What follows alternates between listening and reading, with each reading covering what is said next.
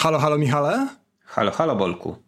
Witamy bardzo serdecznie w kolejnym już 49. odcinku podcastu, który nazywa się Ścieżka Dźwiękowa i zapraszamy do naszego dorocznego wydania o różnych rzeczach nominowanych do Oscara. A wszystko to w formacie oscarowym prawie dwóch godzin. Zapraszamy.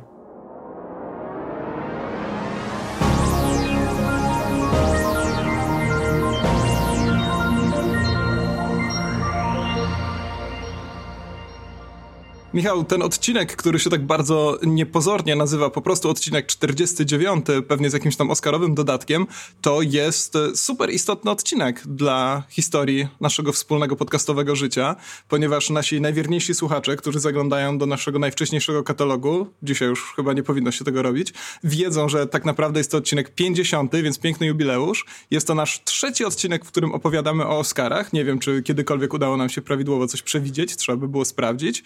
I w ogóle trzecie urodziny podcastu, bo zaczęliśmy nagrywać 3 lata temu, 14 lutego. 50 odcinków w 3 lata to nie jest szczególnie imponujące, ale ten podcast ukazuje się regularnie, dzielnie, co drugi czwartek dopiero od pewnego czasu. No nie jest chyba to też jakiś strasznie słaby wynik. Trochę przyspieszyliśmy ostatnio, prawdę mówiąc, tak? Jeśli chodzi o częstotliwość, to chyba słuchacze zauważyli, że ukazujemy się w miarę regularnie.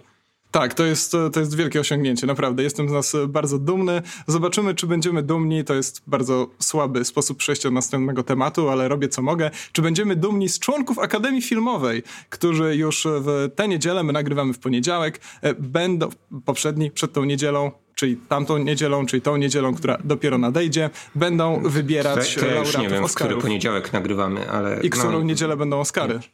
Boże, przegapimy no, to, bo nie będziemy wiedzieć, kiedy Nie kiedy wielkanocną w każdym razie, prawdopodobnie najbliższą, gdy słuchacie tego odcinka, no chyba, że słuchacie go w 2023 roku na przykład, to, to może być inna data zupełnie. Ale do rzeczy może, bo ja nie wiem, czy ja będę dumny z jakiegoś, z jakiegokolwiek członka Akademii Filmowej, no ale mogę wskazać im drogę. Chociaż nie, już nie o, mogę. Bardzo tak dobrze. Na, tak naprawdę, bo późno, oni, chyba, oni chyba zamknęli już głosowanie.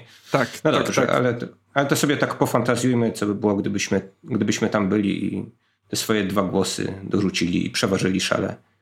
Dobra, czyli pogadamy sobie o tych filmach, które my uważamy, że powinny wygrać, że były najlepsze. Filmy albo elementy składowe tych filmów, typu aktor albo aktorka. Nie będziemy się chyba bawić w typowanie, no nie? Bo to jest strasznie skomplikowana rzecz. Tu swoją drogą warto polecić takiego fanpage'a, który nazywa się Sezon Nagród Filmowych. Prowadzący fanpage'a, którego zresztą serdecznie pozdrawiamy, tutaj rzeczywiście wylicza zwycięzców przeróżnych nagród, przeróżnych kategorii na podstawie tego, ile razy wiatr zawiał z zachodu w stronę tej gildii albo innej gildii. Także to no jest teraz chyba umniejszasz jego robotę zamiast y, ją chwalić mimo wszystko. Wydaje mi się, że to są takie wyliczenia statystyczne, które jednak są podbudowane czymś dużo, dużo mocniejszym niż siła wiatru.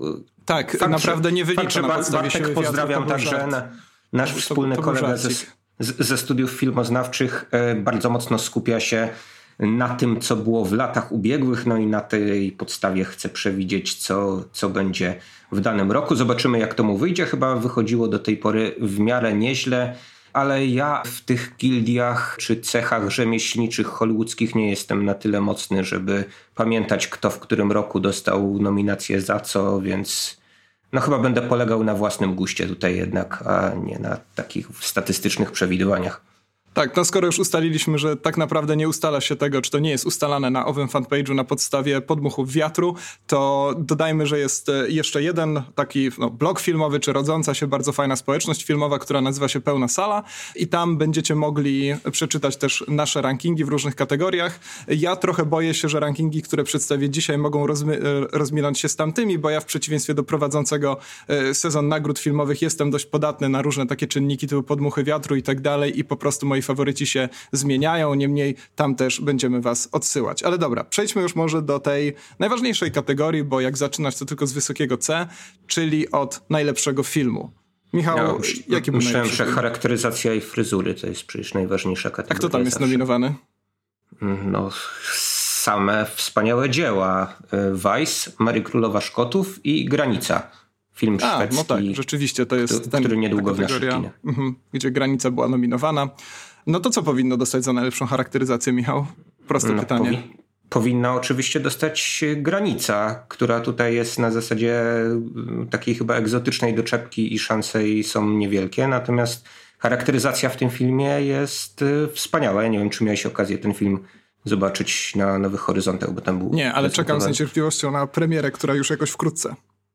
No to ja nie będę może się rozwodził na temat tego filmu, bo pewnie bym już w jakieś spoilery tutaj straszne wszedł, a ta charakteryzacja jest związana z tożsamością osób tam występujących, o tak oględnie mm. powiem.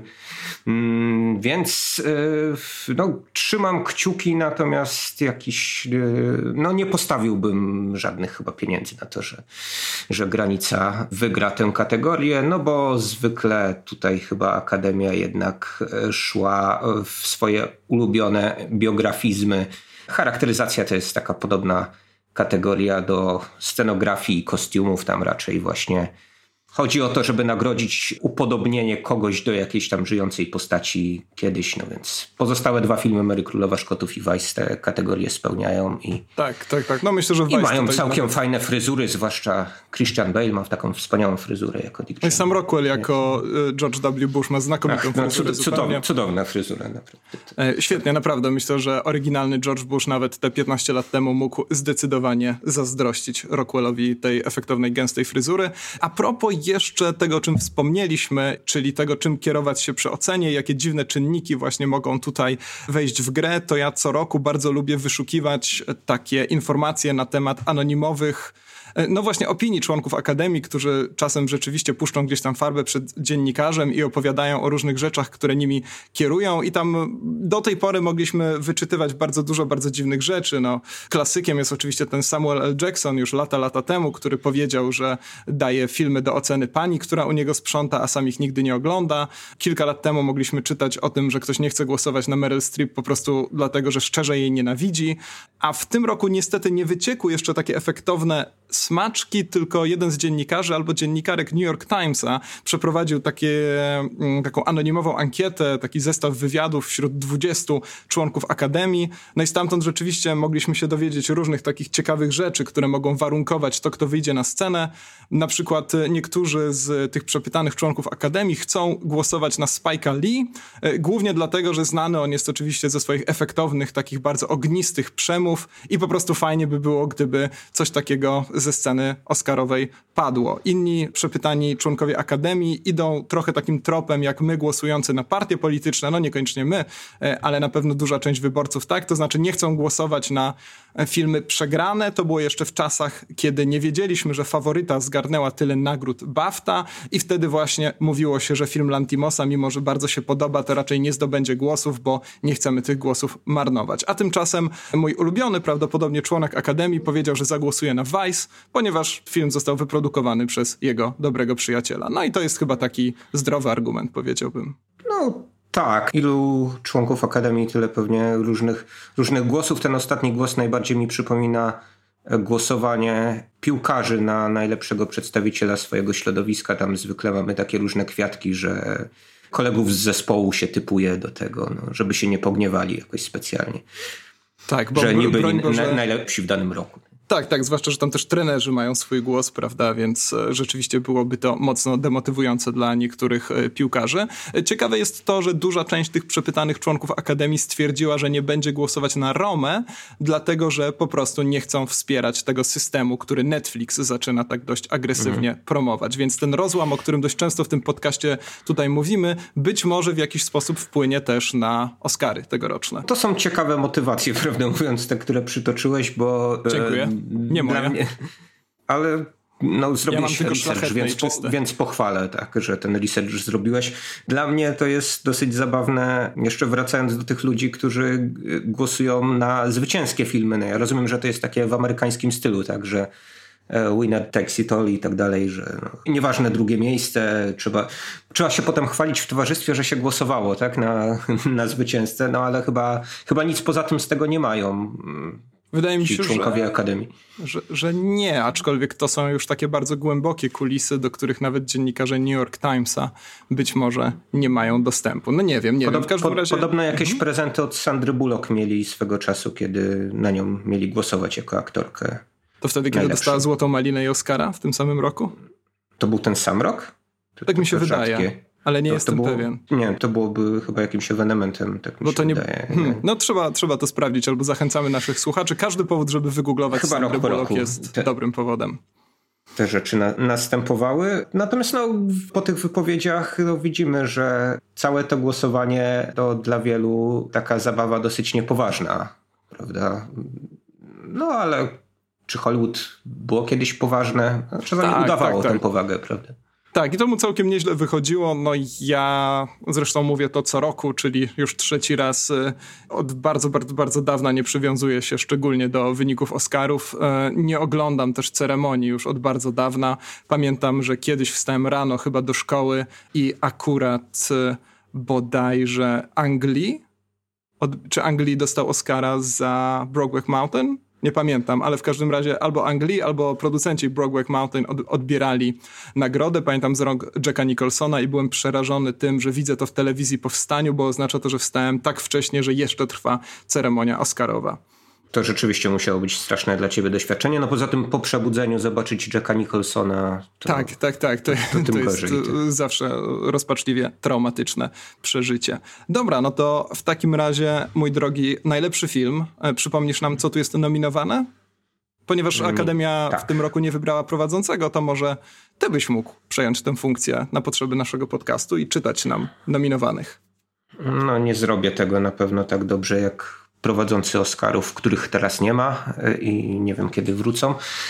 Ale postaram Być może w ogóle. Być może w ogóle nie wrócą. To też jest ciekawy temat. Pierwszy raz od 89 nie będzie prowadzącego Oscarów. E, oczywiście wynika to w dużej mierze z tych wszystkich afer, które narosły gdzieś tam wokół Kevina Harta chociażby, który był chyba ostatnim wybranym kandydatem do prowadzenia Oscarów, ale też wynika to z takiej rozpaczliwej potrzeby skrócenia czasu Oscarowego. No pamiętamy, że ostatni prowadzący, tak, czyli bodajże Jimmy Kimmel otwierał ceremonię takim chyba 17 czy 18 minutowym monologiem, więc im mniej tego, tym dla włodarzy telewizji ABC lepiej. No ale teraz Ogląda, możesz pokazać. Oglądalność spada z roku na rok i Akademia tutaj szuka różnych dróg. E, wydaje im się, że właśnie jak e, będzie ceremonia krótsza, to więcej osób będzie oglądała. Zeszłoroczna była tak nudna, ty nie widziałeś, więc ci powiem, nie, że nie no, wytrzymaliśmy ze znajomymi tylko dlatego, że e, właśnie fascynowaliśmy się naszym hazardem. Tak? tak I tak, tak. podejrzewam, tak. że podobnie w tym roku będzie, chociaż ceremonia będzie skrócona, no ale może, może wysiedzimy jakoś razem e, do pory później. No dobrze, to e, tobie też skrócę to przemówienie Oscarowe, nie włączając muzyki, ale włączę nominacje. Od razu powiem, że kolejność absolutnie przypadkowa, ponieważ nie ponumerowałem sobie, czy też nie poustawiałem tych tytułów w kolejności alfabetycznej ani żadnej innej. A zatem nominowani za najlepszy film: Roma, Faworyta, Bohemian Rhapsody, Black Clansman, Green Book, Narodziny Gwiazdy, Czarna Pantera i Vice. Bardzo dobrze to powiedziałeś. Mógłbyś być takim rasowym tłumaczem symultanicznym, który pracuje przy transmisji Oscarowej. No Tylko, że nie przetłumaczyłeś na, na tytułów, pracę, no ale to, to inne Na pracę ty, tych tłumaczy to zwykło się narzekać dosyć mocno, więc nie wiem, czy przyjmę to jako, jako komplement. E, tak, to też e, moja wina, że co dłuższe tytuły mam zapisane w formie skróconej, więc... E, tak, ale wszyscy nie, wiemy o co chodzi. Za każdym razem nie będę Czarne Bractwo dodawał do Black Clansmana, wybacz. Tak, rzeczywiście, przecież oficjalny polski tytuł według najlepszej tradycji rozpoczętej być może przez film Speed Niebezpieczna Prędkość. Ten film nazywa się u nas Black Clansman Czarne Bractwo, tak? Dobra, no to, to jest ciekawa sprawa, ponieważ jak ustaliliśmy sobie w Green Roomie tuż przed nagraniem, nie mylić z Green Bookiem, to o części z tych filmów nie mówiliśmy na łamach podcastu. Mówiliśmy o Romie, mówiliśmy o Green Book, mówiliśmy o Faworycie i mówiliśmy o Narodzinach Gwiazdy, ale nie wspominaliśmy o innych filmach. Czy któryś z nich e, jest według ciebie szczególnie warty tego, żeby poświęcić mu teraz kilka minut? Jestem przekonany, że co drugi odcinek wspominasz o Czarnej Panterze z różnych powodów, niekoniecznie omawiając ten film, ale tak. wyciągając jakieś ciekawostki. No, opłacona przez Marvela do... propaganda.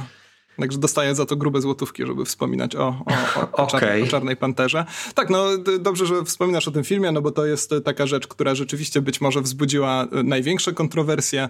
Bardzo długo mówiło się o tym, że rzeczywiście filmy stworzone głównie przez czarnoskórych członków ekipy chciałem powiedzieć, ale złapałem się na tym, że przez ekipę głównie rozumiemy tych ludzi, którzy są za kamerą, a przecież to są też ci ludzie, którzy są przed kamerą. No nieważne, wiadomo o co mi chodzi. W każdym razie, że zbyt rzadko zostały dopuszczane do Oscarów. Teraz, kiedy taki film dopuszczony w cudzysłowie do Oscarów został, to zrobiła się z tego jakaś taka dziwna, nieprzyjemna afera.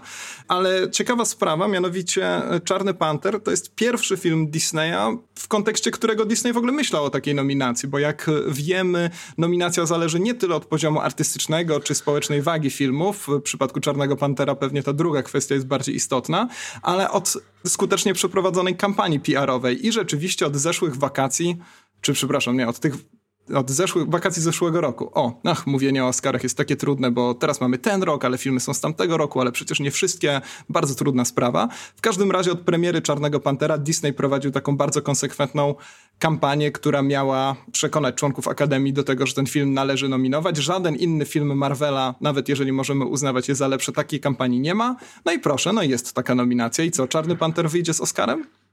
Twoim no, Oscarem prywatnym, Michałkiem? Oczywiście, że ani moim, ani Akademii. Ja jeszcze tylko dopowiem, że straszono nas tym, że będzie nowa kategoria komercyjnych, tak. czy też mainstreamowych tak, popular, filmów. Tak, tak, tak jakby pozostałe... Ludowy, Oscar no, ludowy pozostałe zwykle nagradzane Oscarami filmy nie były komercyjne, czy też nie były popularne. Przedziwna sytuacja, ale wydaje mi się, że to był też element tego szumu marketingowego, o którym wspominasz, który miał w jakiś sposób Czarną Panterę mocniej wypromować, chociaż no, wzbudził dość duży odzew w postaci hejtu tak, internautów.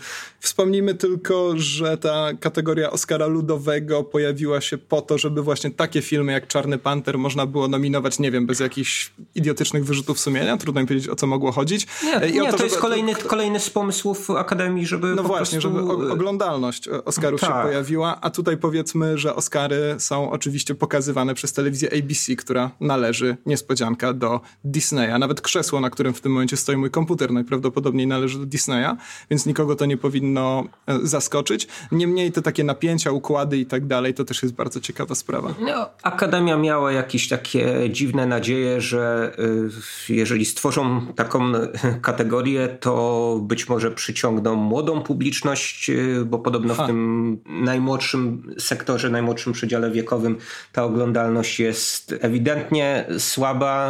Ja nie wiem, czy ci ludzie oglądają chociażby przyznawanie złotych popcornów MTV, gdzie mamy różne jakieś takie ciekawe, powiedzmy, filmy młodzieżowe i kategorie typu najlepszy pocałunek i tak dalej.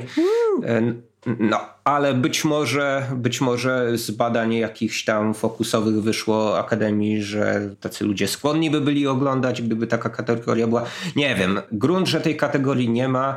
Jest to, jest to jakiś y, przełom na pewno, bo mamy kino superbohaterskie w tej y, najważniejszej kategorii, prawda? Ale znowu, no, na pewno nie najlepszy film superbohaterski, jaki do tej pory powstał jest e, nominowany jako pierwszy. No a druga sprawa, no to nawet w tym roku wydaje mi się, że Avengers, chociaż nie są specjalnie spełnionym filmem, e, to znaczy na pewno nie tak świeżym i nie tak oszałamiającym dla mnie osobiście jak e, pierwsza ich część, to jednak byli lepszym filmem niż Czarna Pantera. Ale jak mówiłeś, te nominacje to jest wszystko wypadkowa bardzo różnych czynników w tym tych właśnie społeczno-etnicznych też. No i dlatego Tak, no które też należy brać pod uwagę, zwłaszcza jeżeli niekoniecznie stwierdzamy, że faktycznie Akademia nagradza, ponieważ tak nie pokazuje jej historia, film artystycznie najlepszy. No tutaj tak. dokonania Czarnego Pantera są jakby absolutnie niewątpliwe. To jest film, który odniósł sukces niesamowity, rzeczywiście pewnie e, rozbił sporo sufitów, wyłamał sporo szyb i drzwi i ogólnie zrobił bardzo dużo takiego pozytywnego bajzlu, no więc... niesamowity sukces finansowy w Stanach Zjednoczonych zwłaszcza. To jeden z tych filmów, które w box office y, lepiej sobie radziły właśnie w Stanach Zjednoczonych niż na świecie. Czasami mamy znaczy najczęściej już dzisiaj mamy przypadki odwrotne, ale od czasu do czasu właśnie zdarza się, że coś jest spektakularnym y, sukcesem, ale jeszcze większym właśnie za wielką wodą niż na pozostałej części globu. No i to jest, to jest właśnie taki przypadek Czarnej Pantery, więc na pewno film ważny, zwłaszcza dla afroamerykańskiej społeczności. I wydaje mi się, że z podobnych powodów też Black Clansman na przykład został nominowany. Nie wiem, czy chcemy przeskoczyć od razu do tego filmu, ale ja tutaj taki pomost tak, już wykonałem. Więc dobrze. Czarne Bractwo to jest film, o którym, tak jak znowu rozmawialiśmy przed nagraniem, być może wspominałeś po Nowych Horyzontach, bo wtedy go widziałeś, ja widziałem go trochę później, kiedy miał już regularną premierę. No i rzeczywiście, o tyle o ile nie dziwi mnie na przykład e, nominacja dla najlepszego reżysera, nie dziwi mnie nominacja za scenariusz, e, to ta nominacja za najlepszy film e, być może faktycznie jest nie do końca na miejscu, choć film Spike'a Lee robi zupełnie niesamowitą rzecz, to znaczy nam, a w każdym razie mnie, pozwala na długie, długie, długie minuty, chciałem powiedzieć długie godziny, to była przesada, minuta brzmi za krótko, nieważne, uwierzyć w to, że rzeczywiście tak absurdalna historia miała miejsce, no i miała miejsce. No to ja od razu zgłaszam weto tutaj na kilku poziomach, bo ani ten film dla mnie nie jest wiarygodny, ani zabawny. Nie uważam, że scenariusz tego filmu powinien być nominowany, ponieważ ten film kompletnie nie trzyma jakiejś spójnej konwencji. Kończy się w ogóle tragicznie jakimiś dolepionymi fragmentami dokumentalnymi i dla mnie y, tak naprawdę szum wokół tego filmu no to jest znowu taki szum generowany to, co wywołałeś wcześniej przez tę mówcę oratora Spike'a Lee, który już podczas festiwalu w Cannes zaprezentował taki rant, o tych rantach mówiliśmy swego czasu, tak? tak e, typowy, typowy dla swoich filmów, a skierowany przeciwko Donaldowi Trumpowi i, i, i właśnie jego, jego prezydencji. No i Okej, okay, ja tutaj rozumiem z tych wszystkich nominacji nominacje dla samego reżysera ze względu na właśnie taką nominację za całokształt. Pamiętamy być może, co się działo z Martinem Scorsesem na przykład, który tak, też który nie, na to nie mógł doczekać się. Musiał czekać. Nie nieszczęsną nie, oczywiście, ale nie jest to jego szczytowe osiągnięcie. Nie tak szczęsną, jak jego filmy z lat 70. Tak, tak, tak, chociażby, prawda? W związku z czym no, został nagrodzony tak niejako za całokształt, chociaż e, ja akurat infiltrację dość lubię. E, to nie uważam, że to był zły film, no ale na pewno nie był to najlepszy film e, Martina Scorsese. No i bardzo podobna sytuacja ze Spike'em Lee, który no, wydaje mi się już tak trochę odcina kupony od tej świeżości, którą wnosił do kina lat temu 20 z hakiem. No ale cóż, no wydaje mi się, że takie nominacje też są w jakiś sposób Hollywoodowi potrzebne, to znaczy one pokazują obok tych honorowych Oscarów, które w ogóle od jakiegoś czasu relegowano poza główną uroczystość i przyznaje się je na jakimś dziwnym pikniku gdzieś indziej. Potem tak, się tak, o nich tak. wspomina tylko na głównej ceremonii. Dzięki temu Godard o... może nie przyjąć takiego Oscara na przykład. No, Andrzejowi Wajdzie się jeszcze udało, tak, na tak, głównej tak, scenie. Tak. No, ale może obok... po jego przemówieniu stwierdzili, że już, już nie. Ale właśnie obok tych tak zwanych e, honorowych Oscarów czy Oscarów za całokształt, takie nominacje jak ta nominacja dla Spike'a Lee no, pokazują, że jednak e, istnieją e, ważni dla amerykańskiego kina reżyserzy no i od czasu do czasu właśnie Akademia e, zauważa ich, mimo że właśnie, tak jak wcześniej powiedziałem, no, chyba nie powinna zauważać e, tych filmów, ale wtedy, gdy oni robili coś absolutnie przełomowego. Jasne, no ja Czarnego Bractwa będę bronił. Uważam, że chociażby na poziomie scenariusza jest tam może jedna czy dwie chwile, które faktycznie się nie spinają. Nie spinają. Niemniej uważam, że jest to rzecz dobrze napisana i naprawdę nieźle wyreżyserowana. Co ciekawe, wspomniałeś... Dobrze, jeżeli chcesz w to brnąć dalej, to ja już pójdę do szczegółów. Rozwalamy teraz rozmowę o kolejnych kategoriach, ale okej, okay, dobra, pominiemy to przy, przy scenariuszu. No sorry, tam jest Ku Klux Klan przedstawiony jako banda jakichś dziwnych jełopów, takich klaunów, a jednocześnie koniec końców ten film dąży do tego, żeby powiedzieć jacy ci rasiści właśnie Ku Klux Klan i spółka są straszni. I to mi przypomina takie straszenie e, z obu stron e, naszej barykady politycznej w naszym pięknym kraju, że ta druga strona to takie w sumie śmieszne głupki, pajace i tak dalej, ale z drugiej strony no przecież oni są w stanie doprowadzić do ruiny wszystko, bo przecież są skłonni do najgorszych czynów i to diabły wcielone. I nie wiem, i te narracje są dla mnie takie niespójne.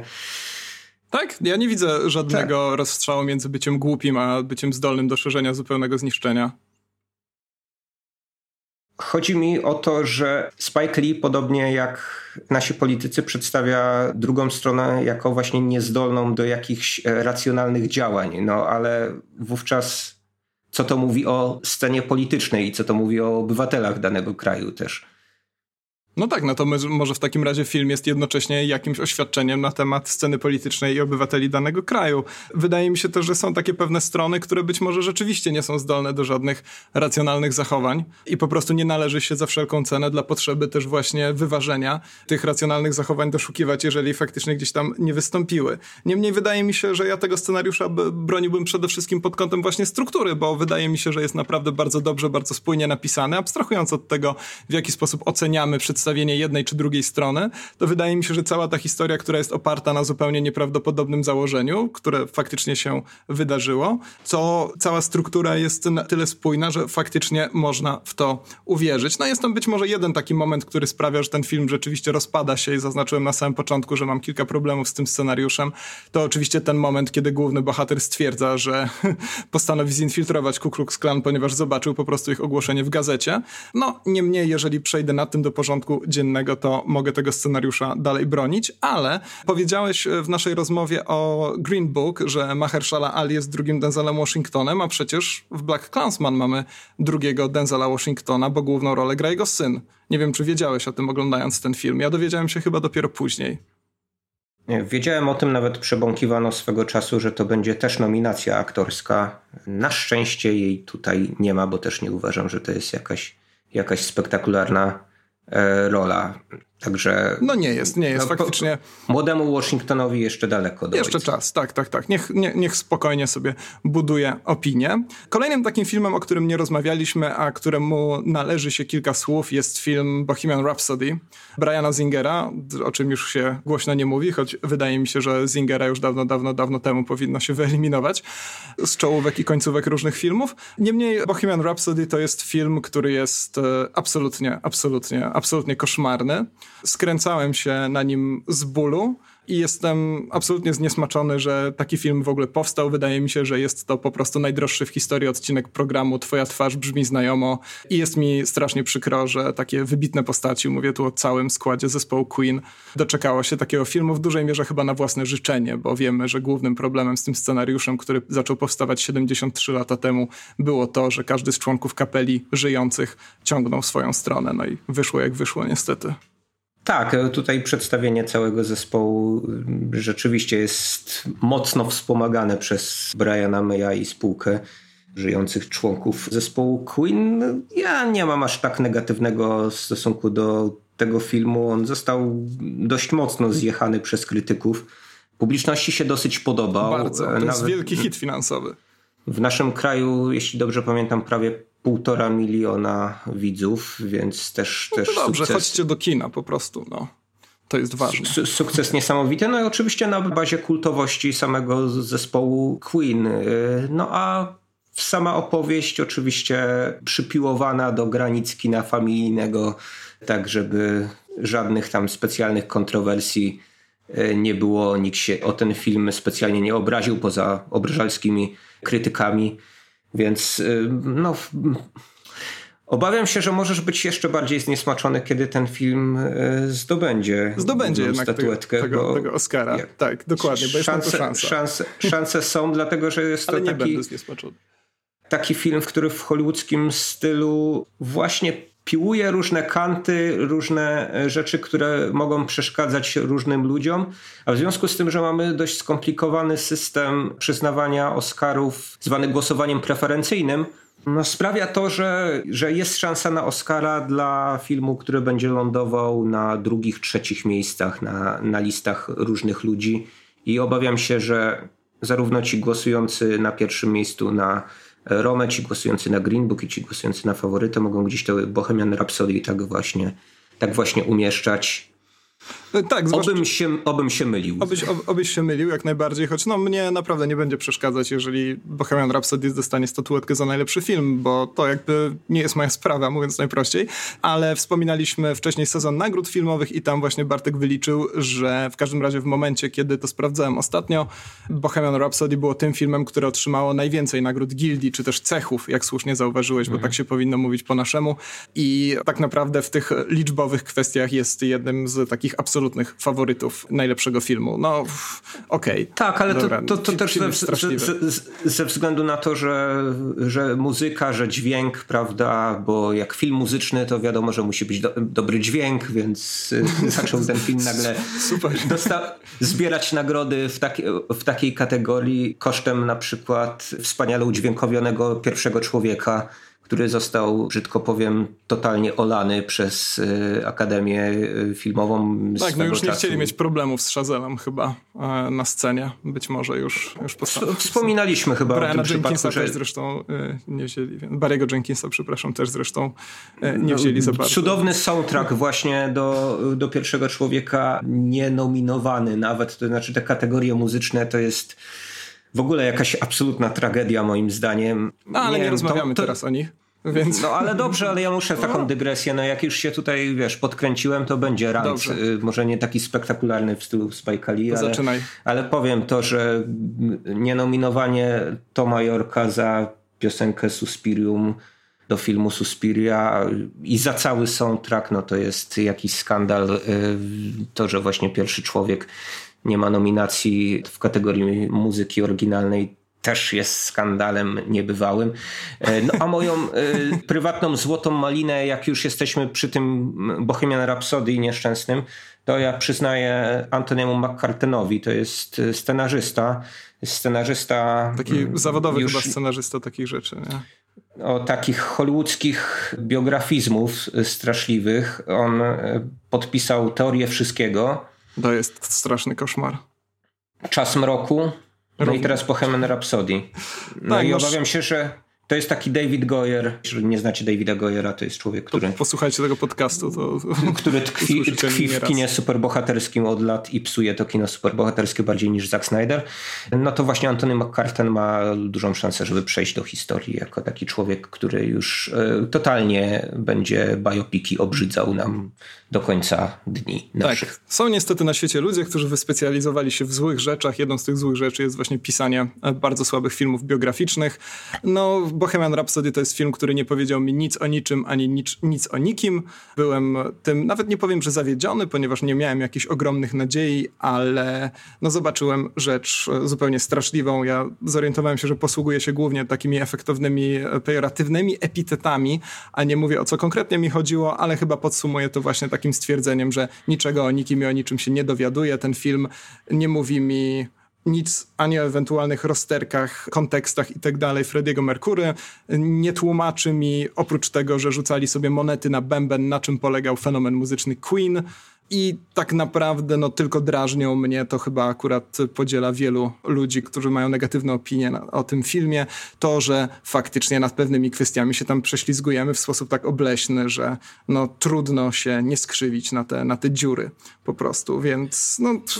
Jasne. No i do Jeżeli tego wygląda film... źle miejscami, to znaczy rozmawialiśmy sobie przy okazji Narodzin Gwiazdy, jak mhm. właśnie jak świetnie wyglądają sceny koncertowe w Narodzinach Gwiazdy, jak słabo wygląda koncert na Live Aid na Wembley, no właśnie, no jeżeli to ma być e, efektowna kulminacja filmu muzycznego, to te cyfrowe ludziki plus te pięć osób na zbliżeniach na krzyż, no to mnie, ja nie czuję tej ekscytacji publiczności.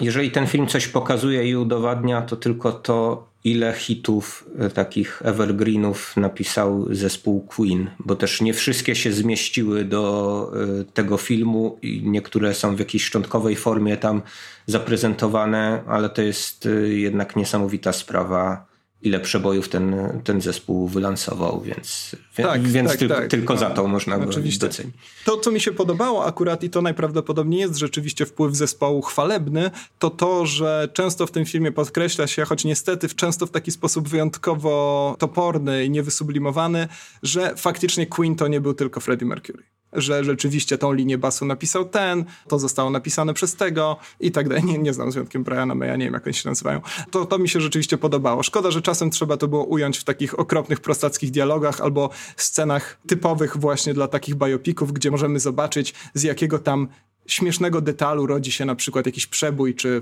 jakieś wielkie dzieło literackie w przypadku innych biopików i tak dalej. Także to szkoda, że w taki sposób, ale dobrze, że to było rzeczywiście. A a propos ludzi, którzy wyspecjalizowali się w robieniu złych rzeczy, to przejdźmy do Vice bo to jest też film, o którym nie rozmawialiśmy, a o Big Short pamiętam sobie, sobie, sobie gadaliśmy, kiedy ostatni raz Adam McKay cieszył się tyloma nominacjami. Nie wiem, czy okay, dokładnie tyle ale samo. A a, pro, a propos ludzi, którzy robią złe rzeczy, to masz na myśli bohatera filmowego czy Adama McKaya? Nie, bohatera nie filmowego. Pamiętam, jaki jest twój stosunek? Y, Adam McKay po Vice to nie jest film, który uważam za udany, niemniej no, jestem dużym fanem Big Short, więc trudno mi powiedzieć, żeby Adam McKay aż się wyspecjalizował w robieniu złych rzeczy. Mm, tu raczej mówię o bohaterze tego filmu. Ale ty jesteś miłośnikiem amerykańskiej polityki. Michał, co myślałeś o Vice jako specjalista? No nie jestem specjalistą bez przesady. Jesteś. Coś od czasu do czasu coś tam przeczytam i coś tam obejrzę na temat tego, co się w Stanach dzieje. Wydaje mi się, że ten film jest y, no jednak zbyt prostym obrazem, by nie powiedzieć obrazkiem pewnej rzeczywistości politycznej. Jego głównym bohaterem jest Dick Cheney i trochę ten film idzie w taką łatwą karykaturę Dicka Cheneya, taką na poziomie karykatury, którą prezentują skecze Saturday Night Live z Alekiem Baldwinem odgrywającym Donalda Trumpa. Ja oglądając ten, ten film przez długi czas, no nie mogłem się opędzić od takich myśli, że właśnie oglądam rozciągnięty do dwóch godzin sketch Saturday Night Live, w którym znani aktorzy są właśnie w tych e, fryzurach, o których wcześniej e, wspomnieliśmy i charakteryzacji upodobnieni do postaci nielubianych generalnie przez system rozrywkowy w Hollywood i okolicach, czyli y, republikanów. No i tutaj to jest właśnie taka bardzo prosta karykatura, która pokazuje, że George W. Bush y, był głupkiem, no, że Dick Cheney był takim zmyślnym krętaczem, cwaniakiem, który sobie tego Busha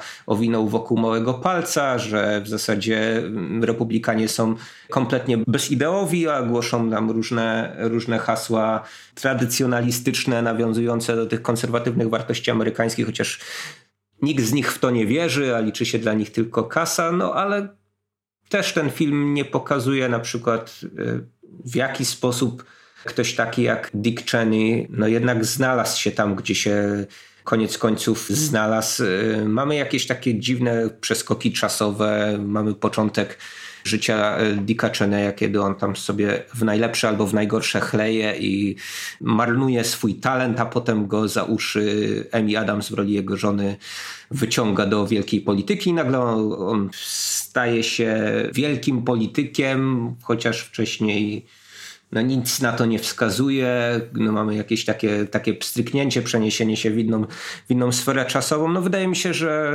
ten film też nie jest dobrze napisany, tak jak w przypadku Black Clansman. No i tutaj też no, nominacja za scenariusz wydaje mi się nominacją taką najbardziej na wyrost, bo pod względem takim stylistycznym, wizualnym czy reżyserskim to ten film y, jakby kontynuuje to, co Adam McKay wykonał przy Big Short, czyli jest taką efektowną, a miejscami efekciarską montażówką różnych materiałów, tych y, fabularnych z aktorami, ale też jakiegoś tam found footage znalezionego w różnych innych miejscach, z różnych archiwów y, powyciągane są różne kawałki rzeczywistości. Mówiliśmy o tym, że Lars von Trier podobnie montuje dom, który zbudował Jack, tak, tak jak Adam McKay Big Short, czy no, też Adam McKay właśnie Adam McKay mont, montuje podobnie swoje filmy jak, jak Lars von Trier i tutaj są jakieś takie naprawdę zabawne, efektowne momenty, które nawiązują do najlepszych momentów Big Short, między innymi napisy końcowe, czy tak alternatywne zakończenie happy endem gdzieś w połowie całej opowieści. No to jest bardzo, bardzo efektowny zabieg. Ale poza tym, tak jak mówię, no ta historia jest zbyt płytka, zbyt sztampowa, zwłaszcza w zestawieniu z tym, co Adam McKay pokazał w przypadku Big Short, gdzie no, skomplikowane niuanse kryzysu ekonomicznego potrafił przełożyć na język prostych i łatwo wytłumaczalnych wizualiów i, i za tamten film szacunek.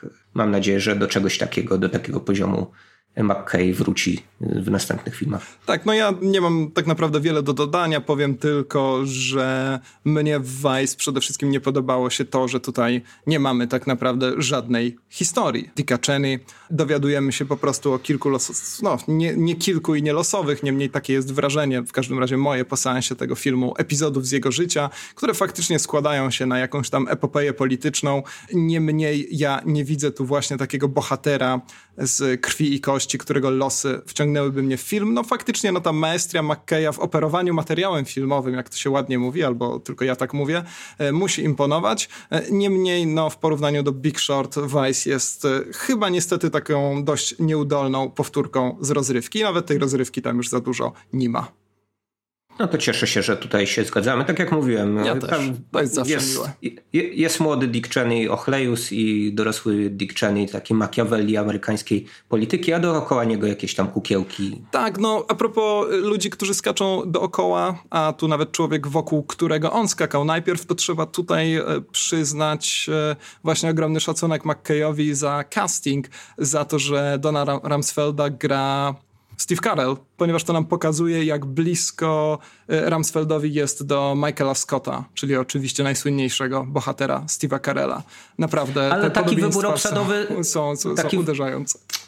Jasne, no y, Karel stara się grać w różnorodnym materiale, ale z drugiej strony właśnie obsadzenie go w takiej roli dla mnie z kolei jest czymś chybionym, bo to jeszcze bardziej upodobnia ten film właśnie do takich sitcomów, tym bardziej go sprowadza do, do poziomu łatwej karykatury, no a taką łatwo zbyć wzruszeniem ramion.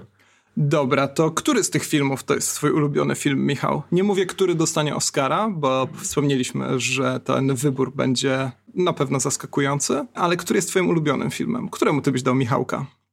Oczywiście faworyta jest tym filmem.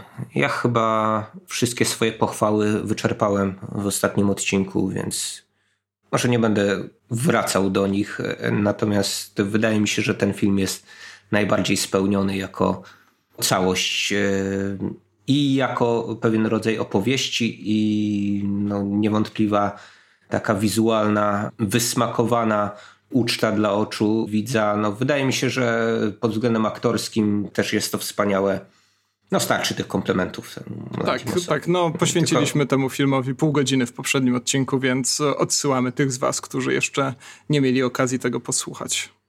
Zwłaszcza, że zostawialiśmy go z Green Bookiem, który jest e, dla mnie takim drugim e, filmem pod, pod, względem tych, które, które Oscara powinny dostać. Nie dlatego, że może on jest jakoś spektakularnie dużo lepszy moim zdaniem od Romy Quarona, natomiast e, skoro to są nagrody Hollywoodu dla Hollywoodu, to no nie będzie bardziej hollywoodzkiego filmu niż, niż Green Book. A dlaczego? No to to też odsyłam do moich eksplikacji. W tak, tak, no ale to też z akceptacją taką świadomą z twojej strony wszystkich wad tego, co właśnie zwykliśmy identyfikować z hollywoodzkim kinem, ale to rzeczywiście rozmawialiśmy sobie o tym Jasne, poprzednio. tak jak mówiłem, no te wady w przypadku tego filmu mi nie przeszkadzały, nawet, nawet je w jakiś sposób e, no, usprawiedliwiałem bardziej niż w przypadku wielu innych filmów zapewne, więc, więc, więc można mi tutaj wytknąć, że jestem niekonsekwentny w swoich ocenach. Ale, Bardzo dobrze. Ale cóż, no ma, mam słabość do, te, do tej zielonej książeczki.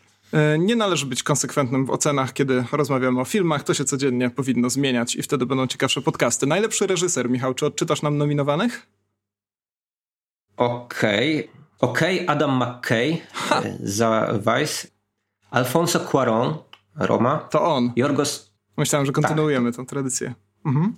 Aha, byłoby mi trudno ze wszystkimi nazwiskami, zwłaszcza Paweł Pawliko, Pawlikowski. Zrymujesz coś z tym? Najlepszy reżyser z Polski. A, no dobrze, dobrze. To może ty będziesz to powiadał po prostu. Zimna wojna. Spike Lee. Uwierz mi, że jest Black okay. Clansman. Dobra, jest coraz gorzej. Jest coraz gorzej, tak. Może do Jorgosa Lantimosa nie będziesz tak, rymował. Tak, tak, na wszelki wypadek. Choć mam świetny rym do Lantimosa, ale go tutaj nie przytoczę. Tak, mamy tę piątkę wybraną. No i tutaj, jeżeli chodzi o mnie, to ja miałbym rzeczywiście pewnie wielki problem, gdy miał wybierać między Quaronem a Lantimosem, to znaczy reżyseria Lantimosa zrobiła na mnie w faworycie ogromne, ogromne wrażenie, a z drugiej strony trudno mi nie doceniać tej maestrii Quarona w tym wszystkim, co tam się dzieje przed kamerą na siódmym, dziesiątym i dwudziestym trzecim planie. Rozmawialiśmy o tym. Wydaje mi się też, że Roma, jak na film, który zaczyna się rozpędzać po godzinie 20, rzeczywiście jest znakomicie poprowadzona. Także ja pewnie między tymi dwoma nazwiskami bym się wahał, choć no Pawlikowski w Zimnej Wojnie też zrobił znakomitą robotę. Absolutnie gdzieś tam ta jego nominacja była dla mnie w każdym razie zaskoczeniem, bo nie wiem, co się tam w hollywoodzkim lobby wyrabia i wydarza. E, no niemniej uważam, że jest e, jak najbardziej zasłużona. No tutaj tak naprawdę najważniejszą rzecz w tej kategorii już powiedzieliśmy, to znaczy to, że jest to w ogóle pierwsza nominacja dla no, Spike'a Lee w historii co jest jakimś dziwacznym skandalem, jeżeli takie mocne słowa możemy do nagród Akademii w ogóle przypisywać, no ale już sobie o tym rozmawialiśmy. Fajnie, że był nominowany, no ale w kontekście konkurentów chyba tej nagrody otrzymać nie powinien. E, jasne, moim zdaniem Adam McKay i Spike Lee tutaj odstają e, zdecydowanie. Paweł Pawlikowski niestety szans prawie żadnych nie ma. Na, nie, no to jest znaczy już, już nominacja tutaj oczywiście była czymś, czymś absolutnie niespotykanym, no bo też to pierwsza nominacja dla polskiego reżysera za film polskojęzyczny, prawda? To znaczy zrealizowany rzecz w Polsce przy, z polską obsadą w całości. E, no bo mieliśmy Romana Polańskiego chociażby nominowanego w tej kategorii. Także to nie pierwszy polski reżyser, no ale wyróżnienie na pewno, na pewno wielkie. Wszyscy się tutaj spodziewali Bradley'a Coopera, a ha, no jakoś w, pewny, w pewnym momencie nastąpił wielki odwrót i ostatecznie Bradley Cooper przestał dostawać nagrody w jakąś taką dziwną niełaskę popadł. No to jest chyba w ogóle y, przypadek Narodzin Gwiazd jest bardzo ciekawy, bo to jest chyba przykład na to, jak kiedy nie należy wypuszczać filmu Oscarowego bo jednak jeżeli film ma zgarnąć rzeczywiście ileś tam naście nominacji, a nie tylko okazjonalne, to powinien chyba mieć premierę trochę później, bo tak cały już ten hype wokół Narodzin Gwiazdy, mimo że, że tak bardzo się starali, tak bardzo Bradley Cooper i Lady Gaga się starali, no to jednak rzeczywiście to wszystko opadło. Nie ma, nie ma chyba jakiejś, jakiejś specjalnej e, reguły. Utarło się, że takim dobrym czasem na premiery jest festiwal w Toronto, ale też niektórzy uważają, że już festiwal w Wenecji jest takim dobrym czasem, no i potem pod koniec roku zaczynają się rozpędzać te wszystkie pozostałe, pozostałe nagrody, więc jeżeli e, gdzieś w drugiej połowie roku film zadebiutuje na tych festiwalach, no to zaczyna ten efekt kuli śniegowej postępować, taki zaczyna właśnie ten, ten, ten rozgłos y, być budowany coraz większy wokół tych filmów. Natomiast y, wracając do nominowanych reżyserów, to ja prowadzę taką dosyć skomplikowaną, złożoną polemikę z panem Adamem Garbiczem, który jest autorem Wehikułu Magicznego, takim no już można powiedzieć chyba kultowych, tak, książek historyczno-filmowych tak, mm, powinniście razem to... z panem Klinowskim powinniście mieć na półce i zaznaczać tam, czy widzieliście już Nosferatu, czy nie. E, ja mam takie popisane wehikuł magiczny i to jest, to jest ważna rzecz. Ważna rzecz tak, każdego człowieka. Tam mamy indeksy też chronologicznie poustawiane te filmy, więc rzeczywiście tak łatwo można sobie dosyć odhaczać, e, no, oglądając wszystkie filmy z 1925 roku na przykład. No, ale wracając do pana Adama, to on utrzymuje, że Jorgos Lantimos dobrym reżyserem nie jest, a teraz mu wyszło, to znaczy wyszło mu dzieło, które jest e, no, sumą składowych różnych jego współpracowników, no począwszy tak od... zawsze jest, prawda? No, zwykle tak jest, chociaż no, z, z drugiej strony mamy tego Alfonso Cuarona, prawda, który jest no człowiekiem tak, orkiestrą i... Sam na y, tak, jakby mógł, to pewnie by jeszcze zagrał, prawda, ale no, musiał prowadzić kamerę, więc, więc to byłoby Tak, ponieważ jest to film autobiograficzny, to byłoby to już zbyt bezczelne też żeby jeszcze gdzieś Chociaż wcielił się no, w dziecko, Ja bym chętnie, chętnie bym zobaczył taką wersję Romy właśnie, w której to w której odmłodzony Alfonso Cuaron, tak, trochę jak Benjamin Button, prawda? Tak, no komputer potrafi cuda. Ale no Roma z założenia miała mieć niewielki budżet, więc już ja myślę, że on się tam widział naprawdę przed kamerą, no ale niestety w pewnym momencie to źródełko z pieniędzmi musiało zostać obcięte. No ale co, ty uważasz, że... No niemniej jednak dla mnie, dla mnie właśnie tutaj jest takie zderzenie na linii Lantimos i Quaron, czyli Quaron, który właśnie sam sobie sterem i okrętem napisał sobie ten film, zrobił jak chciał.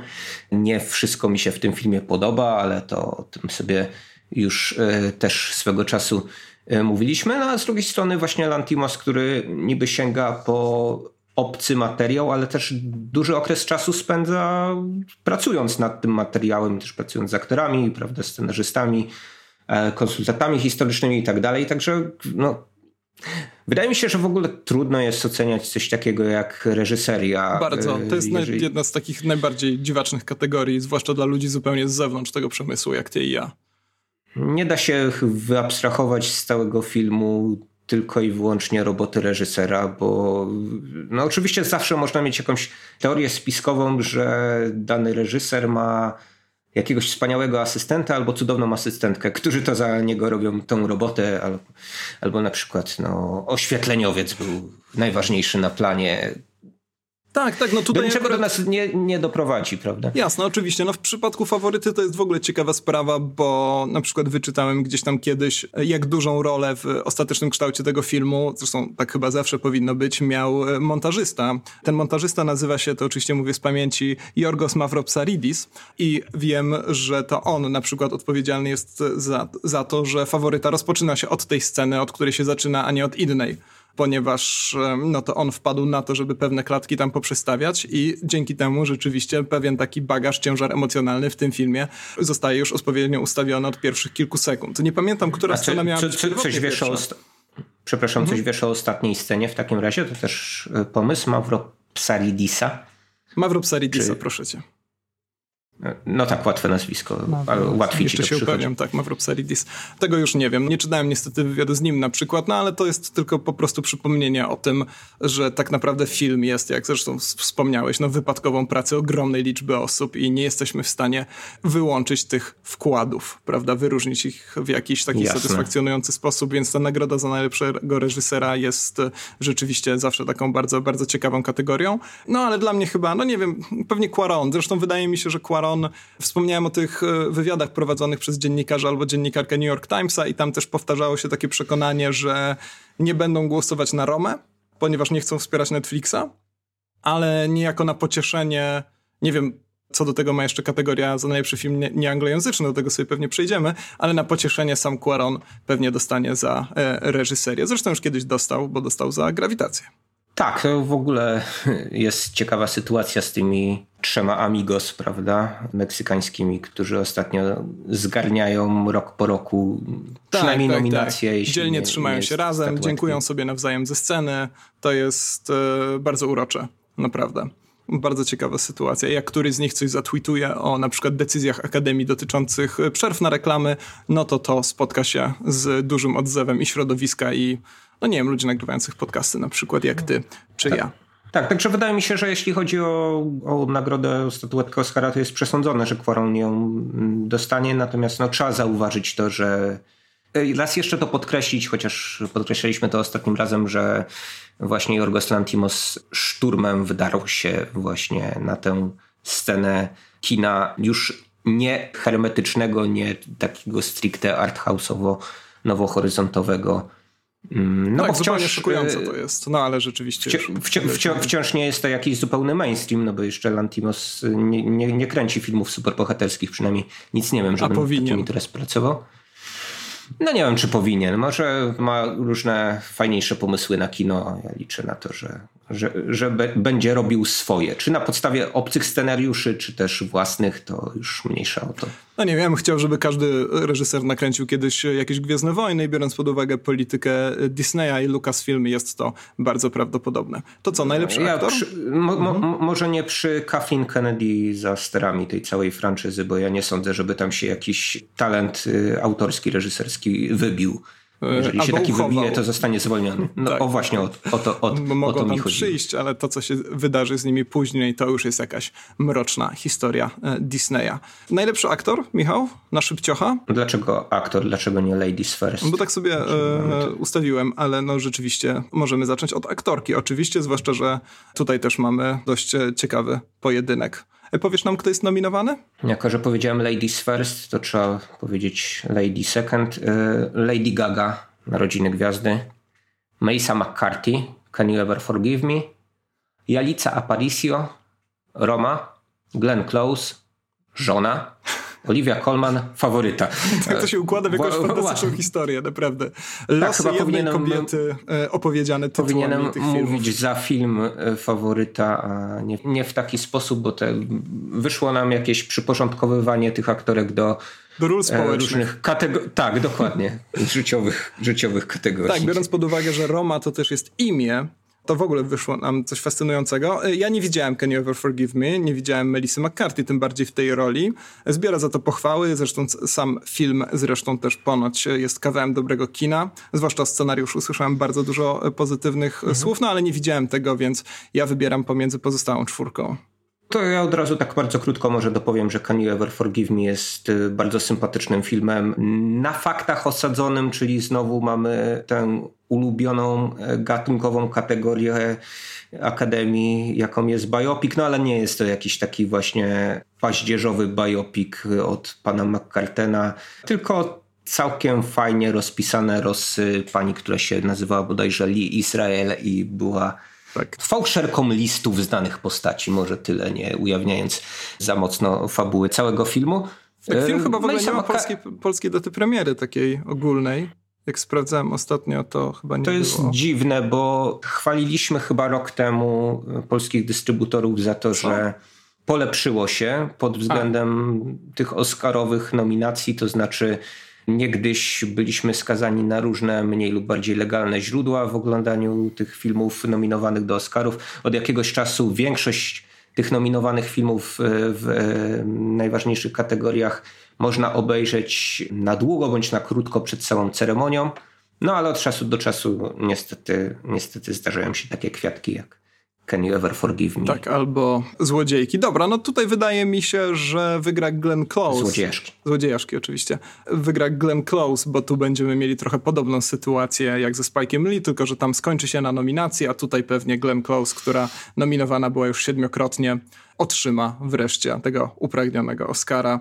E, choć no oczywiście tak. ja osobiście bardziej ucieszyłbym się ze wspaniałej Olivia Colman. Tu też by nam się ładna historia urodziła od takiej aktorki kojarzonej raczej ze e, sketchami, z, mm, z brytyjskimi sitcomami do rzeczywiście efektownej roli królowej Anny, której zresztą pewnie nigdy nie skonstruowałaby w ten fascynujący sposób, gdyby nie jej doświadczenie właśnie w sitcomach i w komedii. No więc super by było naprawdę, gdyby Coleman dostała, ale wydaje mi się, że dostanie Glenn Close. Mm, Zobaczymy. tak, wiadomo, wydaje nie? mi się, że... Nie wiadomo. No tutaj serce mam rozdarte, prawdę mówiąc, dlatego że Olivia Colman to, no, stworzyła fantastyczną kreację i życzę jej jak najlepiej, ale wiadomo, że brytyjskie aktorki mają bardziej podgórkę niż amerykańskie w tych y, nominacjach. Z drugiej strony jest właśnie Glenn Close, która już dawno powinna dostać pęczek Oscarów y, za niebezpieczne związki, chociażby za fatalne zauroczenie. No, wspaniałe, wspaniałe role wykreowała swego czasu. No więc znowu taki Oscar za całokształt, ale też znowu bardzo dobra rola w filmie Żona. Nie wiem, czy ten film widziałeś. Tak, tak. no w całym filmie jest e, niezły. Film jest... No nie taki jest to, nie jest to, nie jest to żadna, żadna rewelacja, to jest taka mała produkcja, która myślę, że gdyby nie ta nominacja Glenn Close, no myślę, że przeszedłby absolutnie bez żadnego echa, choć pomysł jest dość interesujący. Tutaj nie wiem, czy e, nasi słuchacze to widzieli, ale to tam Jonathan Price gra pisarza, który zostaje nagrodzony Noblem. Glenn Close to jego żona, która jak się wydaje przede wszystkim zajmuje się wspieraniem go, tak w każdym razie wynika z różnych przemów, które Jonathan Price wygłasza. No ale dzięki różnym flashbackom i tam historiom, które dzieją się gdzieś tam w tle przygotowań do odebrania Nobla, dowiadujemy się, że jest trochę inaczej. I Christian Slater tam gra też.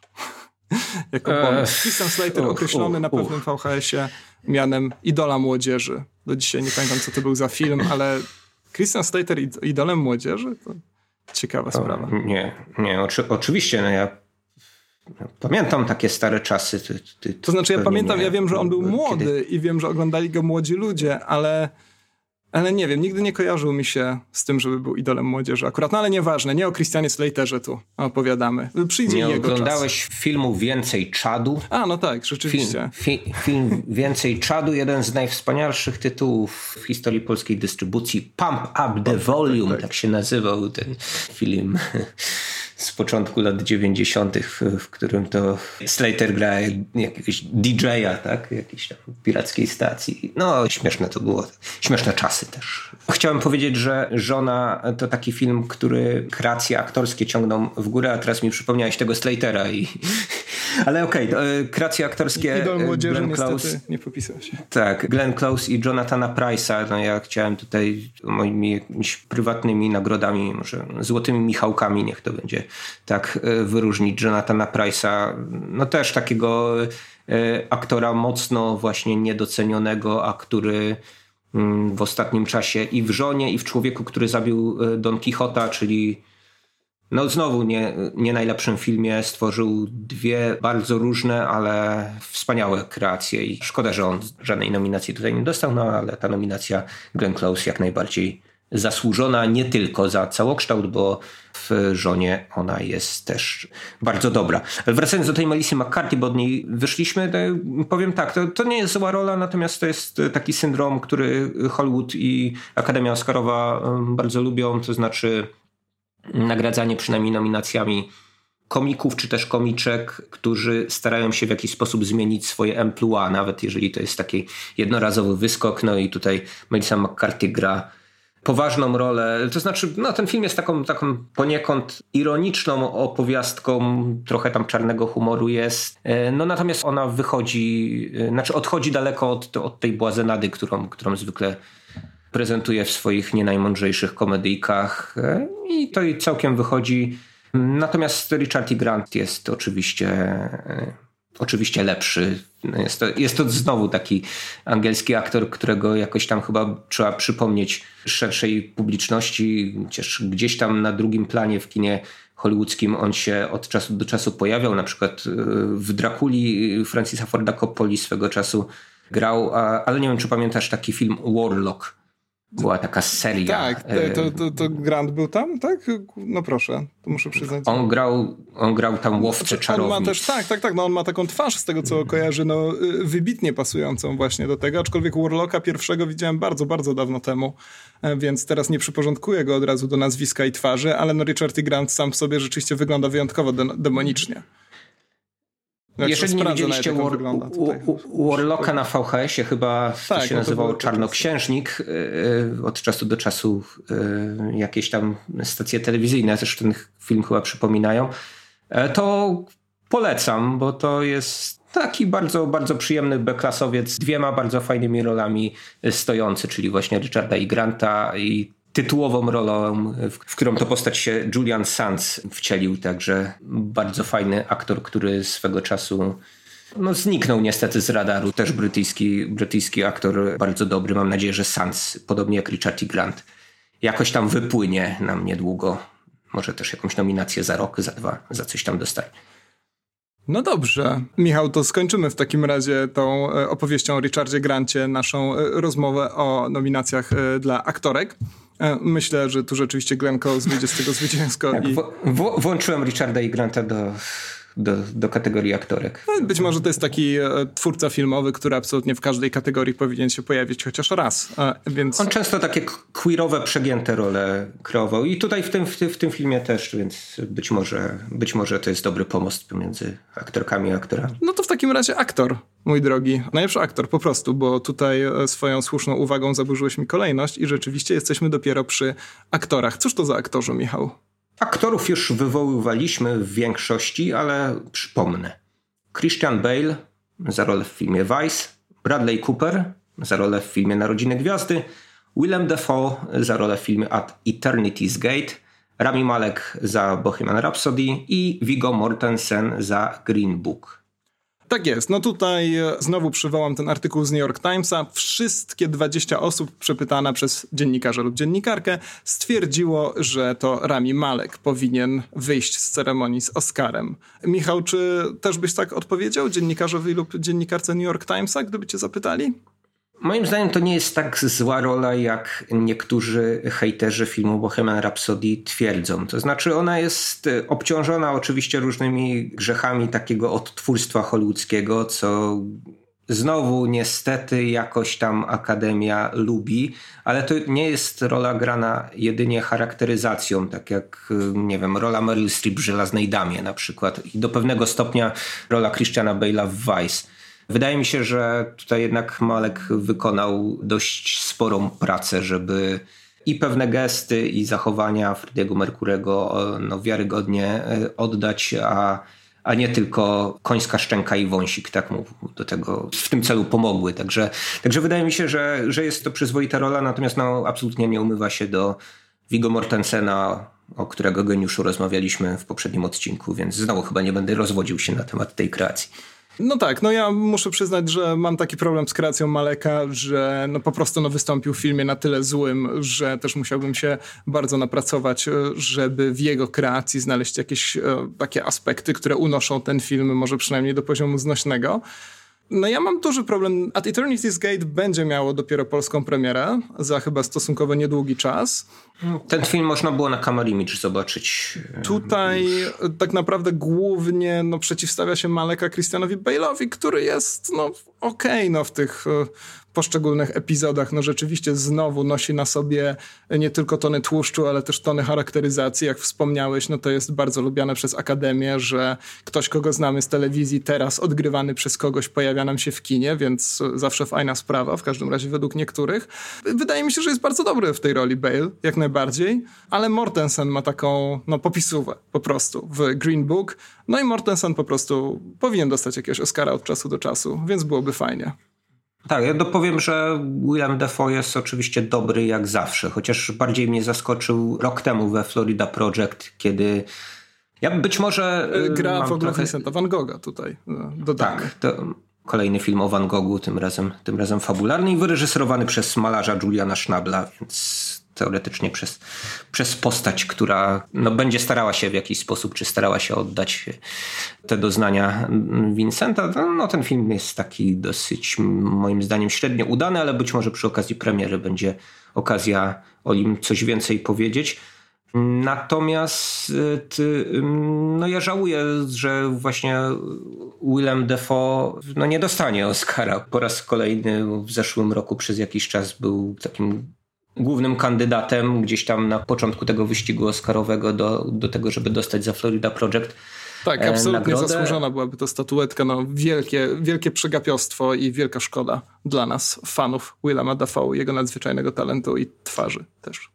Tak, tym bardziej, że właśnie bardzo fajnie e, Willem Dafoe w tamtym filmie łamał ten swój image, grając e, w nim takiego januszowatego wujka, odcinając się trochę od tych wszystkich demonicznych postaci, które najczęściej e, zwykł kreować, czy, czy takich mocno obsesyjnych postaci, bo takie zwykle Tak, no pokazuje w ten przydziela. sposób, że Januszowatym wujkom niedaleko do najbardziej demonicznych postaci w historii, więc e, no to jest, to no jest nie, no to informacja. Była, to była bardzo ciepła rola, taka naprawdę e, pokazująca wrażliwość Williama Defoe, także... No pokazująca przede także wszystkim... Ja ta... mhm.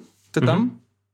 Czy tam co tam? Pokazująca, że, że właśnie on jest w stanie zagrać, zagrać absolutnie wszystko, no, że to jest na tyle, tyle dojrzały i wspaniały aktor, że to, że został strącony częstokroć do poziomu na jakichś tam arcyłotrów w wysokobudżetowych produkcjach, no to tylko strata dla Hollywood. Tak, albo w niewysokobudżetowych serialach, więc to, to tak, tak mhm. też uważam, że jego talent jest zdecydowanie niewykorzystany. No dawno, dawno temu dał się, pewnie też nie miał dużego wyboru, e, obsadzać w takich rolach i jakoś, no głównie pewnie przez tą właśnie niezwykle demoniczną twarz wszyscy przyzwyczaili się, że coś takiego powinien grać, kogoś takiego powinien grać.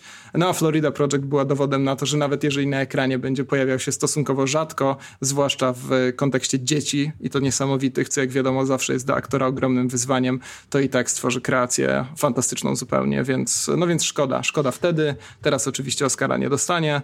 Ja tu nie mam jakichś takich jednoznacznych faworytów, no pewnie tego Mortensena z ogromnej sympatii do Mortensena, ale Mm, ale dostanie Malek. Ale dostanie Rami Malek. Tak, oczywiście. No tutaj nie ma żadnych wątpliwości. Tutaj zarówno historia Oscarów przyznawanych przez Akademię, jak i poprzednie nagrody, które Rami Malek otrzymał za tą rolę, wskazują jednoznacznie, więc chyba nie ma co się nad tym jakoś szczególnie zastanawiać. No my powiedzieliśmy, jakiś tam cień, mógł dostać. I jakiś tam cień szansy Bale chyba jeszcze ma, natomiast no, jego szanse malały coraz bardziej, aż zmalekowały zupełnie. Ach, chciałem chciałem powiedzieć coś e, suchego, a no i wyszło, wyszło jeszcze gorzej. Nie, myślę, że udało no. ci się połączyć nie, muszę, muszę, muszę, muszę, muszę to popić, przepraszam. Których nikt się nie spodziewał. Nie, super, naprawdę. Przejdźmy do, e, mój drogi, przejdźmy do kolejnej kategorii. Co to jest? Boże, jaka jest kolejna kategoria? Przejdźmy do niej jak najszybciej. Najlepsza aktorka drugoplanowa. Okej, okej. Okay. Ach, tu, tu mnie wyrzucasz znowu z tymi nazwiskami, tak? No ale dobrze, może uda mi się przeczytać. Nie ma jakichś skomplikowanych nazwisk. Rachel Weisz jest najbardziej skomplikowanym nazwiskiem. Rachela Weisz. No właśnie, chyba bardziej Weiss, prawda, niż, niż Weisz. No, Czy ona taka wise? No. no. chyba tak. Ojej, no wydaje mi się, że tak. Też mi się wydaje, że tak. Pie piękna i mądra. Świetna kariera, świetnie Rachela kariera. za, za faworytę. No i... Piękna i młoda Emma Stone za faworytę. Regina King za film If Bill Street Could Talk. Ten film chyba ma polski tytuł. Tak, już, i bo w piątek wchodzi do kin, więc ma polski tytuł. Och, no to ja sobie tutaj nie przetłumaczyłem, ale chyba. Gdyby ulica Bill mogła mówić bardzo taki a, oczywisty. Nie wiem, czy to, ten Baldwin kiedykolwiek. To co by powiedziała? E, no, tutaj, akurat, ak, tutaj akurat wolałbym, żeby ten film się chyba nazywał Ulica Bill, a nie, a nie w taki sposób. No, mniejsza. Marina de Tavira e, za Romę i Amy Adams za Vice. Takie oto aktorki. E, no tak, no tak jak wspomniałem, Ulica Bill wchodzi na ekrany jakoś teraz, tak mi się wydaje. E, już pierwsze pokazy prasowe chyba, e, chyba były. No w każdym razie ja tego filmu jeszcze nie miałem okazji zobaczyć. Zobaczę go dopiero w regularnej dystrybucji. Aczkolwiek o Regina King mówi się że to jest e, absolutna faworytka. No ja z tych aktorek, które widziałem, widziałem wszystkie pozostałe, tak jest. No to pewnie Rachel Weisz bym tutaj zdecydowanie wyróżnił. Mimo mojej ogromnej sympatii do Emmy Stone, tą sympatią dzielę się ze wszystkimi z dziką radością zawsze i wszędzie, tylko z Emma Stone jeszcze nie miałem okazji, ale no Rachel Weisz absolutnie wspaniała rola. No fajnie było też, gdyby Amy Adams dostała kiedyś Oscara, ale może niekoniecznie za Vice. Tak, no Amy Adams jest taki ciekawy przypadek, bo ona do pewnego stopnia zaczęła się upodabniać do Meryl Streep, to znaczy, że zaczyna być nominowana za cokolwiek, bo moim zdaniem ta jej rola w Vice jest właśnie bardzo przeciętna i została nominowana za to, że nazywa się Amy Adams. Z tym, że w przeciwieństwie do Meryl Streep, która od czasu do czasu te Oscary tak, dostaje, dostaje, to Amy Adams, Amy Adams znowu tego Oscara nie dostanie, no ale tutaj absolutnie nie zasłużyła w międzyczasie w tym no w ubiegłym roku zagrała w ostrych przedmiotach, za to dostała jakieś tam nagrody, więc może jej wystarczy. Natomiast e, w przypadku faworyty, no to ja jestem oczywiście no, rozdarty pomiędzy te dwie wspaniałe kreacje Emmy Stone i Rachel Weisz. Obie mają już Oscary. Emma Stone w zasadzie do takiego świeższego Oscara, tak, jeżeli Oscary mogą być świeższe, no ale niedawno. Ja nie wiem, czy one się starzeją. Tego. Być może schodzi z nich ta farba po jakimś czasie. Nic nie wiem na ten temat. Być może trzeba je konserwować w jakiś sposób. Y, natomiast od, od czasu No tak, Oscara... Rachel Weisz to dostała za, za wiernego ogrodnika chyba, nie? Więc to już... Tak, uh, uh, uh. tak. To już ten film tyle razy do gali dołączyli, to już bardzo, bardzo, bardzo wiekowe dzieło rzeczywiście. Więc e, to jest dobry no właśnie, więc... takiego Oscara. Myśl, myślę, że dobry, aczkolwiek tak jak powiedziałem przy Olivii Colman, trochę jej szanse są mniejsze z racji tego, że nie jest Amerykanką. Więc tutaj. No tak, no, no tak niestety, niestety, nie, nie, niestety Regina King może dostać. Oscara mówię niestety, dlatego że przespałem prawie cały ten film Barego Jenkinsa. On jest. Może o nim porozmawiamy trochę więcej, ale znowu nawiązuje wizualiami do taką wizualną stroną do tego, co Barry Jenkins nam zaprezentował w Moonlight, no ale w przeciwieństwie do Moonlight tutaj no, nie ma tych, tych emocji, moim zdaniem. Wychodzi z tego miejscami jakieś takie a jednak dosyć tanie romansidło. Coś się stało podobnego w tym przypadku, jak w przypadku Adama McKeya, że, że ta sama forma filmowa przykrojona do innej historii jednak w jakiś sposób zawiodła. No i pod względem aktorskim też nie mogę jakoś specjalnie nikogo wyróżnić za ten film, chociaż być może byłem na tyle zmęczony oglądając, że no tak, to biorę, taką, biorę, biorę taką możliwość, że, że po prostu nie byłem w odpowiednim nastroju, żeby, żeby taki film dosyć jednak cichy i mało spektakularny wówczas obejrzeć. Jasne, no to jest ciekawe, bo Barry Jenkins przecież w międzyczasie robił dużo różnych rzeczy, no między innymi reżyserował niektóre odcinki Dear White People dla Netflixa, gdzie ta forma no, nie mogła się chyba bardziej różnić od formy Moonlight, no ale skoro zdecydował, że wróci do tego, to, to też dobrze, jeżeli jest jakiś taki ogródek, w którym jemu jest najwygodniej i czuje się najlepiej. No, ale to w takim razie myślę, że tutaj e, obaj się zgadzamy, to bardzo, bardzo mnie to cieszy. Rachel Weisz na pewno też się z tego cieszy. I co? Przeskoczmy sobie może, bo już warto by było trochę docisnąć jednak pedał gazu. Może do, do czego? Do, hmm, jaką byś chciał kategorię jeszcze omówić, Michał? No, strasznie długo rozmawiamy, ale skoro tak napoczęliśmy te scenariusze, to. Mhm. Tak, koniecznie scenariusz oryginalny, ponieważ to jest jedyna kategoria, w której nominowany jest pierwszy reformowany, że tak zarymuję brzydko i niecelowo. Mhm. Film, o którym e, wspomnieliśmy przy okazji chyba odcinka o przegapionych filmach z zeszłego roku. Film, który zdecydowanie powinien dostać nominację za główną rolę męską, bo Ethan Hawke tam kreację stulecia tworzy, absolutnie. Na pewno kreację najwybitniejszą w swojej karierze. No a Paul Schrader dostał po prostu nominację za ten swój scenariusz oryginalny. Zresztą według mnie scenariusz znakomity i, i czemu by nie miał za to dostać nagrody? No faworyta dla mnie jest jeszcze konkurentą. Konkurentą. Faworyt jest konkur... Fa... Jak to powiedzieć inaczej? No powiem chyba normalnie. Faworyta jest konkurentem. Po prostu. Tak, to tutaj y, oczywiście z perspektywy Akademii zawsze trudniej mają takie filmy jak Pierwszy Reformowany, który jest nominowany w zasadzie w tej kategorii. Tak, i tyle. Tylko więc y, jest duża szansa, że po prostu akademicy tego nie obejrzą, a nawet jeśli obejrzą, to nie zrozumieją i tak dalej. Ja się rozpływałem nad tym filmem swego czasu. Wszystkim, wszystkim serdecznie polecam. No to jest, to jest znakomita e, rzecz, zupełnie. I, I, i, I, też od czasu tamtego odcinka obiecałem nauczyć się e, angielskiej wymowy nazwiska Schrader, więc powiem Schrader. Tak, tak należy, Cieszę mieszkając się, w Stanach Zjednoczonych, wymówić wymawiać to nazwisko, chociaż mieszkając pewnie w Niemczech albo w Holandii już możecie mówić. Tak, jeżeli do przodków inny. rodziny Schraderów przyjedziecie, to najprawdopodobniej. To wiecie co, nie jedźcie tam w ogóle, bo z biograficznych opowiastek Paula i jego brata wynika, że mieli dość koszmarne dzieciństwo, więc lepiej się tam nie zapuszczajcie. Tak, ale z cyklu skandale i dlaczego nominacja dopiero teraz, a w zasadzie dlaczego jeszcze nie ma Oscara, no to historia Paula Schradera to wpisuje się w tą historię, którą wcześniej no, o Glenn Close na przykład opowiadaliśmy.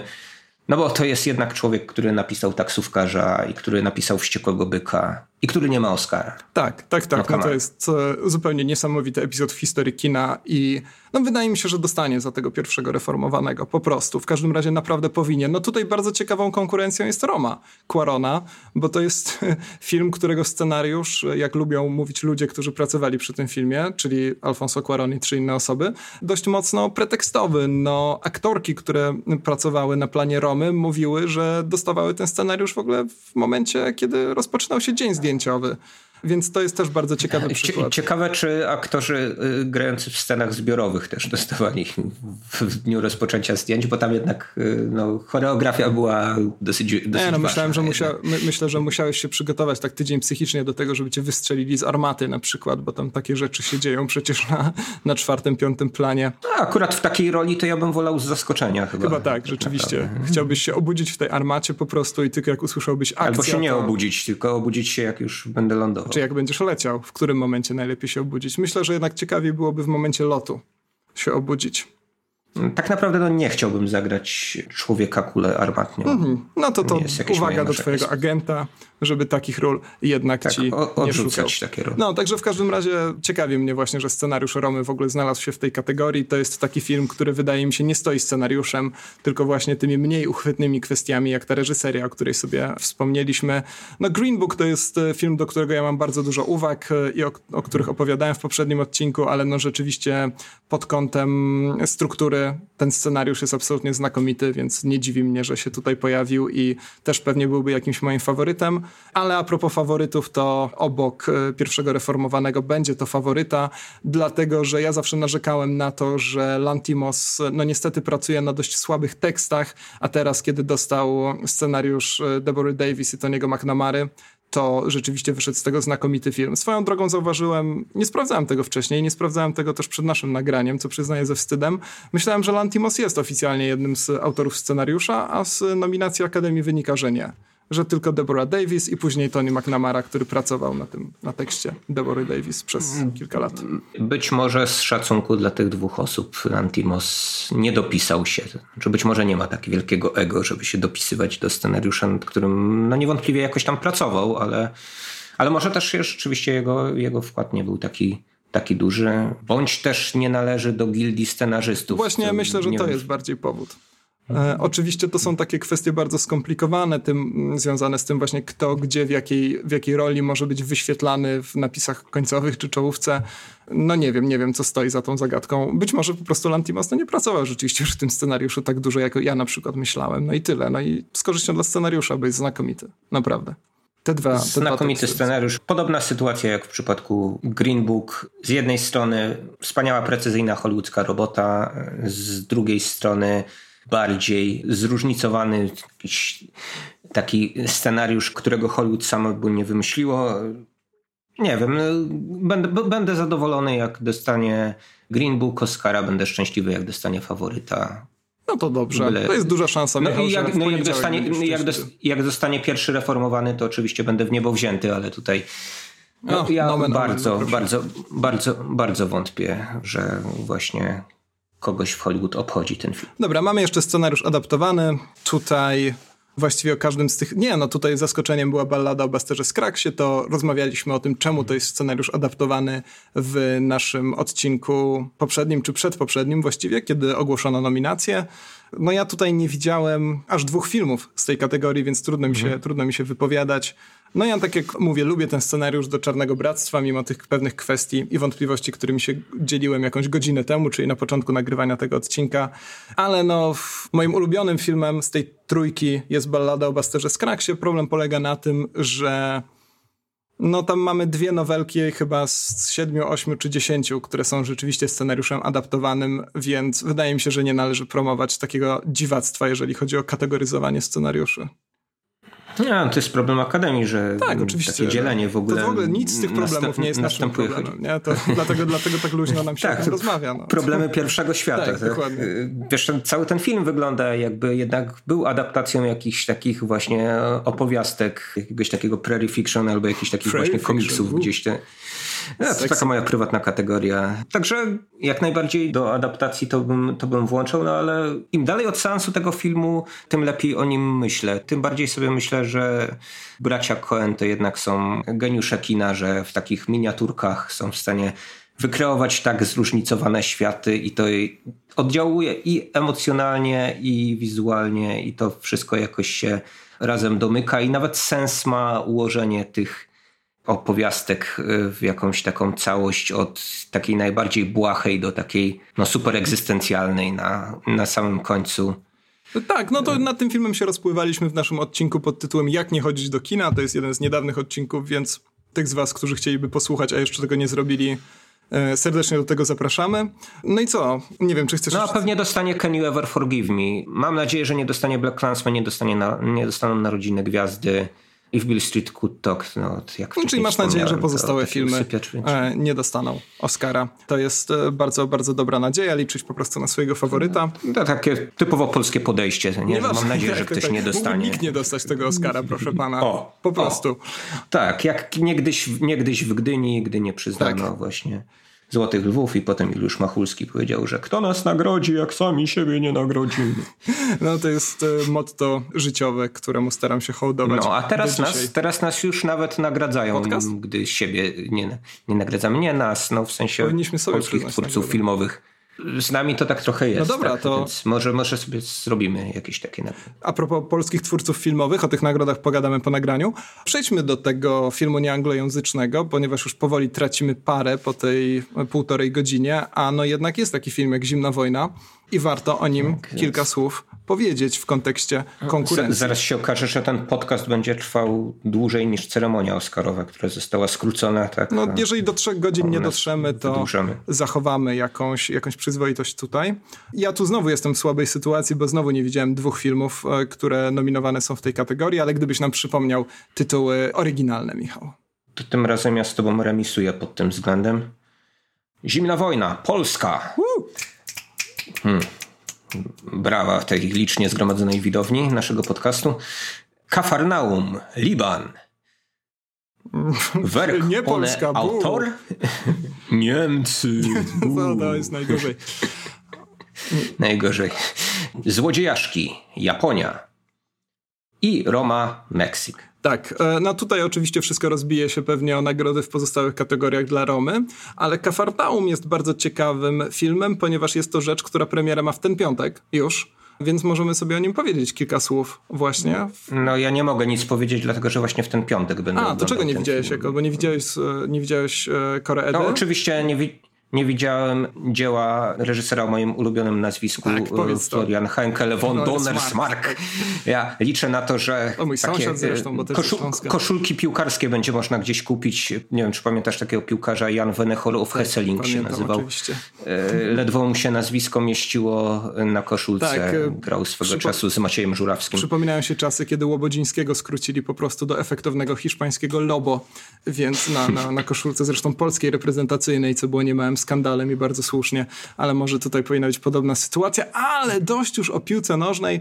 Nic nie wiem o filmie pana Floriana Henkela von Donnersmarka, więc nic o nim nie powiem. A to Koreedę już widziałeś? Tak. Koreeda zadebiutował e, niespodziewanie na Amazonie jakiś tydzień temu. A, no e, proszę. I tutaj, e, no nie wiem, po raz chyba... Szok. No, ale to o tym na pewno więcej... Prze przepraszam, że nie, że, że nie podrzuciłem ci takiego cynku, ale to właśnie po premierze sobie nie, no ja na sobie, spokojnie o Koredzie ja, porozmawiamy, tak, tak, tak, bo warto. Dokładnie. To powiedz mi tak kilka słów w takim razie, czy, czy wygra Oscara? prostu jedyne pytanie, które mnie interesuje teraz. Albo czy no nie, no nie wygra Oscara. No, stawiaj, stawiaj na Quarona kursu bookmacherów to jakieś 1,01, więc jeżeli postawisz milion dolarów, to no, jest szansa, że dostaniesz na kawę i pączkę. Tak, no to yy, do odważnych świat należy. To ja powiem kilka słów o Kafarnaum, bo rzeczywiście zbliża się już premiera. To jest film, z którym ja mam wielki problem, muszę przyznać, ale jest to film, który na pewno łamie pewne bariery i zapisze się w historii kina. I nie tylko ze względu na wszystkie konteksty produkcyjne, tego, że mamy tam uchodźców w różnych rolach i tak dalej, to jest bardzo istotne, ale bardzo ciekawe. No dobra, to zabrzmi bardzo głupio w kontekście tych uchodźców, bo jest to rzecz wyjątkowo niepoważna, ale myślę, że ciekawa. To znaczy, jest to chyba pierwszy film w historii kina, gdzie na trzecim miejscu tyłówki, napisów końcowych, wyświetla się aktor niemowlęcy. Nie wiem, czy widziałeś jakieś zwiastuny tego filmu, ale tam mamy takie, no nie wiem, czy to już jest niemowlak, czy bardzo małe dziecko, nie znam tego podziału, ale on tam ma bardzo dużą rolę i rzeczywiście z imienia, a nawet y, drugiego imienia i nazwiska, o ile dobrze to identyfikuję, pojawia się w napisach końcowych. No mnie Kafarnaum się, muszę przyznać, nie podobało. To jest, to jest dobra praktyka, no mówiliśmy o tym, że Kaczor Horatio dosyć wy... To już ten moment, kiedy porównujemy wysoko, dzieci do zwierząt? Wysoko. a w którym momencie nie powinniśmy porównywać no dzieci do zwierząt. To już jest na, na, na. E, materiał, ale w każdym razie mnie się Kafarnaum e, nie podobało. Z jednej strony jestem pod ogromnym wrażeniem tego, że dwugodzinny film potrafi rzeczywiście tak gładko przelatywać, a z drugiej, no niestety mam takie dość smutne wrażenie, że jest to film przede wszystkim skupiony na takiej pornografii biedy, która oczywiście jak najbardziej zanurzona jest tutaj w faktach i rzeczywiście tak te okolice Libanu niestety wyglądają, ale jednocześnie jest to film, który traktuje tę sytuację jako po prostu pewien stan faktyczny, nie doszukując się przyczyn, a właściwie określając je prostymi stwierdzeniami, że tak po prostu jest i nie interesuje go za bardzo, co tam leży w tle, co tam leży na przykład w systemie, mimo że ten system jest tutaj też tematyzowany. Zresztą wydaje mi się, że reżyserka nawet gra tutaj prawniczkę głównego bohatera, co jest, mhm. wydawałoby się takim symbolicznym zabiegiem. No, niemniej to mi się w Kafarnaum nie podobało. Nie zmienia to faktu, że jest to film, który rzeczywiście jest cholernie dobrze nakręcony, bo dwie godziny takiego kina, które przelatują jak z bicza strzelił, to jest e, naprawdę kawał dobrej roboty. E, myślę, że film nie ma szansy na Oscara w dużej mierze dlatego, że nikomu z członków Akademii nie chce się oglądać filmu, dwugodzinnego filmu o biedzie w Libanie. Po prostu. E, I nieważne ile razy im powiemy, że to jest głęboko wstrząsające i zmienia twoje spojrzenie na życie, to w moim przypadku... Ach, Angelina Jolie i Brad Pitt na pewno obejrzą taki film, ale nie wiem, czy to wystarczy. Tak, no ponieważ już nie są razem, to mamy szansę, że zarażą jeszcze tym jakieś osobne kręgi znajomych. No niemniej, no nie, nie będzie chyba okazji, żeby o Kafarnaum porozmawiać. No ja mam taki problem z tym filmem, no tu chętnie, chętnie z kimś podyskutuję na ten temat. Tak w każdym razie wyglądało moje wrażenie. Ze, ze mną w tym momencie nie podyskutujesz, może przy najbliższej okazji, bo jak powiedziałem, za, za dni kilka dopiero ten film obejrzę natomiast oceny moich znajomych y, już w trakcie Nowych Horyzontów, którzy mieli okazję ten film oglądać, no, są rozrzucone, że tak powiem, po, po, całej skali. Od ludzi, którzy twierdzą, że to jest właśnie jakiś taki bardzo tani szantaż emocjonalny, po ludzi, którzy uważają, że e, no, jest to arcydzieło właśnie pod względem budowania czy grania na emocjach, ale, ale no nie, nie wartościują tego negatywnie. Jasno, no ten film e, też zwrócił moją uwagę jednym ciekawym rozwiązaniem formalnym, to znaczy dawno już nie widziałem filmów, które właśnie pokazują taki realizm, trochę w cudzysłowie realizm, nie dlatego, że tam tak nie jest naprawdę, tylko dlatego, że ten realizm filmowy to jest zawsze problematyczna kwestia, ale za pomocą takiej rozchwianej kamery i wygląda to jak takie latynoskie filmy sprzed 15 lat, które też pokazywały slamsy właśnie chociażby brazylijskie za pomocą takiej rozchwianej kamery, ale jednak w precyzyjnie zaplanowanych ujęciach. Myślałem, że już się tak filmów za bardzo nie kręci, e, a tu proszę. Po, poczekaj pan, aż zobaczysz film o Van Goghu. Co tam z tą kamerą Julian Schnabel wyczynia, bo tam ach, ach, ach można dostać e, wariacji błędnika. No dobra, ale w każdym razie, e, odchodząc trochę od wariacji błędnika, wracając do tej naszej kategorii, e, to wydaje mi się, że no tutaj najprawdopodobniej zwycięży Roma. Ja osobiście uważam Romę za lepszy film niż Zimna Wojna. Mimo, że wolałbym, żeby Zimna Wojna zwyciężyła, to w takich kategoriach czysto, za przeproszeniem, artystycznych, to wyżej sobie cenię Romę. Tak, Powiedzia mm. Powiedziałem to głośno. Zresztą już chyba no, nie pierwszy raz. Z, oboma tymi filmami mam podobne problemy. Dla mnie one są takie, takimi jednak dosyć zimno wykalkulowanymi dziełami autorskimi, wbrew temu właśnie na co są obliczone, bo są obliczone jednak także na wzbudzanie różnych, różnych innych emocji. Także w jakiś sposób doceniam, aczkolwiek nie podziwiam specjalnie żadnego z tych filmów. Trochę też się rozczarowałem Koredą. To jest, to jest wciąż dobry film, natomiast moim zdaniem nie najlepszy, jeśli chodzi o, o twórczość Koredy, ale jak wspomniałem wcześniej, chyba wrócimy do tematu. Tak, na pewno i tym bardziej wrócimy, bo rzeczywiście jeżeli chodzi o Koredę, to się zwykle nie dogadujemy, więc może mnie z kolei złodziejaszki się spodobają. Michał, jesteśmy trochę jak akademia, bo chyba pominiemy, no na szczęście wspomnieliśmy o charakteryzacji, ale pominiemy chyba i zdjęcia i montaż ze względu na stopień naszego wycieńczenia mówieniem do siebie nawzajem. E, nie... W przerwie na reklamy o tym porozmawiamy sobie. Tak, tak tej przerwy na reklamy ja już nie będzie. To już wiadomo, że zostało odrzucone, ale sam pomysł jest głęboko, głęboko fascynujący i słusznie wzbudził kontrowersje. Ostatecznie Akademia wróciła do tego, że wszystkie kategorie jednak będą na żywo. Tak, Więc jeśli coś im się o tym nie powiedzieli. Coś im się nie zmieni za 5-12, no to zobaczymy tych autorów. No, zwłaszcza w przypadku zdjęć to wydaje mi się, że no, to jest kategoria chyba najmocniej obsadzona pośród wszystkich. Chociaż nie widziałem tego filmu niemieckiego właśnie pana von Domersmarka, ale tam Caleb Deschanel robił zdjęcia, to jest wybitny operator, więc zakładam, że, że zdjęcia są równie znakomite. Więc tutaj można rzucić kością po prostu i coś wybrać. Ale e, tak, wróćmy. Aktor drugoplanowy. Tak, Mam odczytać nominację? E, tak, aczkolwiek mhm. Mm, myślę, że to załatwimy możliwie szybko, ale czytaj, bo ja lubię słuchać, jak, jak mi coś czytasz. Tym bardziej, że o czterech z pięciu aktorów rozmawialiśmy. Tak, dokładnie. O, dobra. Sam Trzech. Rockwell, Vice, Richard E. Grant za Can You Ever Forgive Me, Sam Elliott nominowany za Narodziny Gwiazdy, Adam Driver nominowany za Black Clansman i Mahershala Ali nominowany za Green Book. No tak, no Oscara bez żadnych wątpliwości odbierze Mahershala Ali. E, tym samym zapisze się w historii jako drugi czarnoskóry aktor, który dostał dwa Oscary. E, wcześniej był poprzedni Samuel L. Jackson nie Samuel Jackson oczywiście, tylko Denzel Washington, e, czyli po prostu Denzel Washington, także tym bardziej te porównania twoje mogą być tutaj na miejscu. Ja oczywiście zawsze będę głosował na Adama Drivera, nieważne gdzie się pojawi, w czym zagra. Uważam, że wielkim pominięciem był brak nominacji za jego wybitną rolę w filmie Gwiezdne Wojny, część ósma, Ostatni Jedi. Ja po prostu uwielbiam Adama Drivera, uważam, że każdy jego gest, każde jego mrugnięcie, każde jego takie nawet najbardziej dyskretne zachowanie składają się na kolejne wspaniałe kreacje aktorskie. Więc nawet jeżeli no tutaj ta jego rola być może, no właśnie, wśród ludzi, którzy nie są psychofanami Adama Drivera, nie będzie się wybijać, no to ja bym chciał, żeby on dostał Oscara. I, i za rok też niech no dobra, dostanie jest... Oscara. I za dwa lata też. The Rock niech dostanie Oscara, tak powiedziałeś? E, nie, nie za rok. Być może powiedziałem, za rok The Rock. być może jakaś podświadomość tutaj zawołała, no bo The Rock też okay. oczywiście na Oscara zasługuje. Powiedziałeś, że nie będzie przerwy na reklamy, będzie przerwa na reklamę. Artykuł o Adamie Driverze w nowym numerze ekranów już niedługo w waszym sklepie, w waszym kiosku. W dobrych sklepach, w dobrych kioskach, tak to się mówiło kiedyś. E, tak, e, chyba, chyba tak. No, więc możesz sobie kiosku. o Adamie Driverze poczytać też jego piękne fotki po Z przyjemnością, e, poczytam.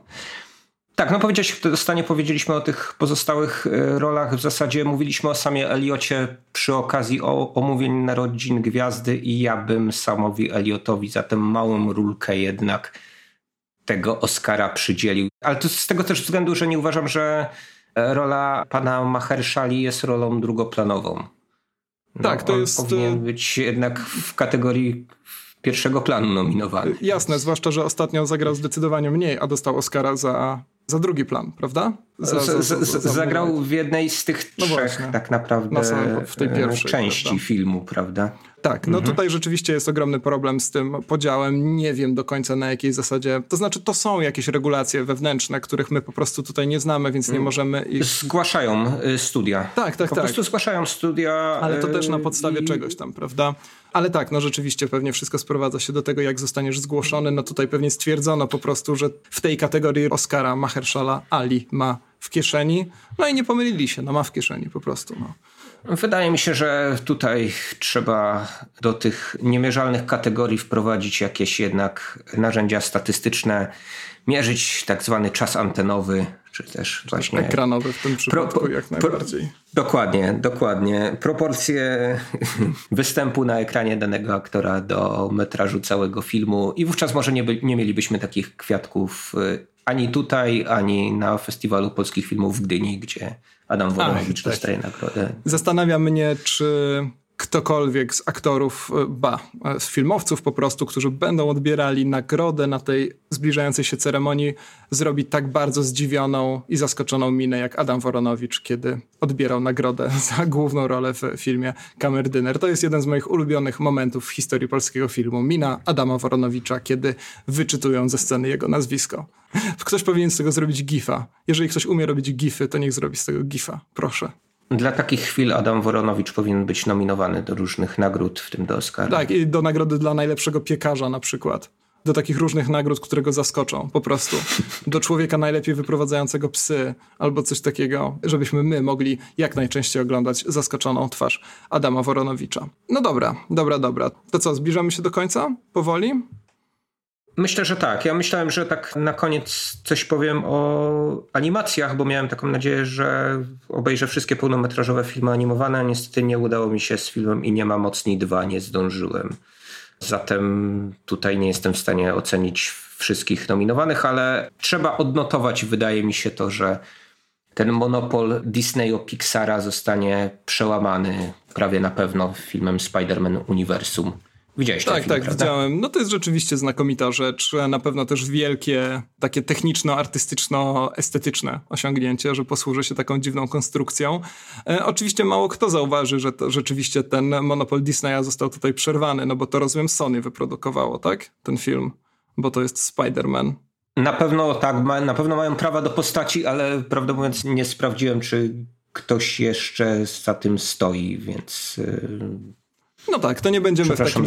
zgłaszam tak, nieprzygotowanie. Nie będziemy się wymądrzać, skoro nie wiemy. No to jest rzeczywiście znakomite kino i szczerze temu filmowi kibicuję. Nie rozmawialiśmy o nim, bo wszyscy inni o nim rozmawiali, ale to jest naprawdę rzecz znakomita, chociaż myślę, że wszyscy zainteresowani już ten film zobaczyli. Na moim seansie myślę, że średnia wieku nie schodziła poniżej lat 15, więc ten film dość dobrze poradził sobie z takim targetowaniem marketingu, że tak brzydko to powiem. I rzeczywiście nikt raczej nie myślał, że to jest kino tylko i wyłącznie dla tak zwanych najmłodszych. Więc no. Mm, tak, ten film miał znakomite recenzje krytyków i w związku z tym wydaje mi się, że przełamał też pewne bariery skuteczniej chyba niż Czarna Pantera, nawet pomiędzy właśnie takim popularnym kinem, animacją, która jest adaptacją komiksu no a dziełem naprawdę artystycznie świeżym i udanym, bo to, co pod względem formalnym zwłaszcza tam się wyczynia, to jest czymś absolutnie na tym polu przełomowym i świeżym i wydaje mi się, że że dobrze, że, że ten Oscar tutaj będzie, mam nadzieję, tak, tak, ale tak. tutaj no to jest praktycznie pewny, pewny kandydat, bo to też przełamuje jakiś taki monopol i stagnację w tych, nie powiem powielanych od sztancy, dlatego że przecież Disney i Pixar od, od czasu do czasu nam kolejne arcydzieła serwują, ale jednak no, dosyć podobnych do siebie, jeśli chodzi o formę przede wszystkim animacji. Tak, tak, tak. No to rzeczywiście jest coś... Kibicuję Spider-Man. Jest coś nowego. No i najlepsza być może scena po napisach w historii scen po napisach.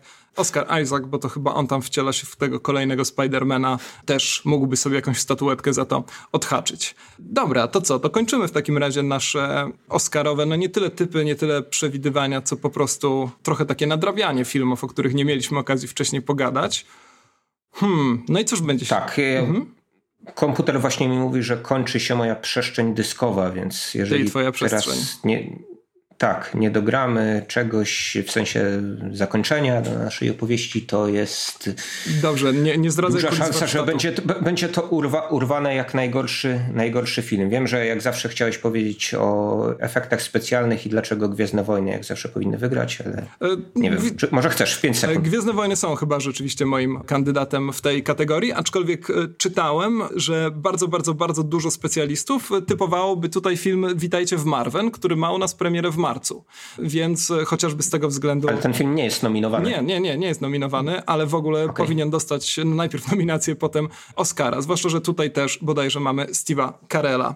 Więc e, no warto tego filmu wypatrywać. Ja na pewno do kina się wybiorę. I to tyle. Dobra, to skoro Michałowi kończy się przestrzeń dyskowa, to szybko bardzo dziękujemy za słuchanie. Lajkujcie nasz fanpage na Facebooku. Hmm, prawie żadnego polskiego słowa w tym zdaniu nie było. E, wystawcie nam ocenę na iTunes, subskrybujcie nas na Spotify, no i nie wiem, powiedzcie znajomym, znajomym o tym podcaście i tyle. I za te drobne gesty, bo one, prawda, czynią ten świat lepszym, będziemy bardzo wdzięczni. Dziękujemy bardzo i do usłyszenia. Mamy nadzieję rzeczywiście regularnie za około dwa tygodnie. Do zobaczenia, do usłyszenia. Sayonara, żółwie.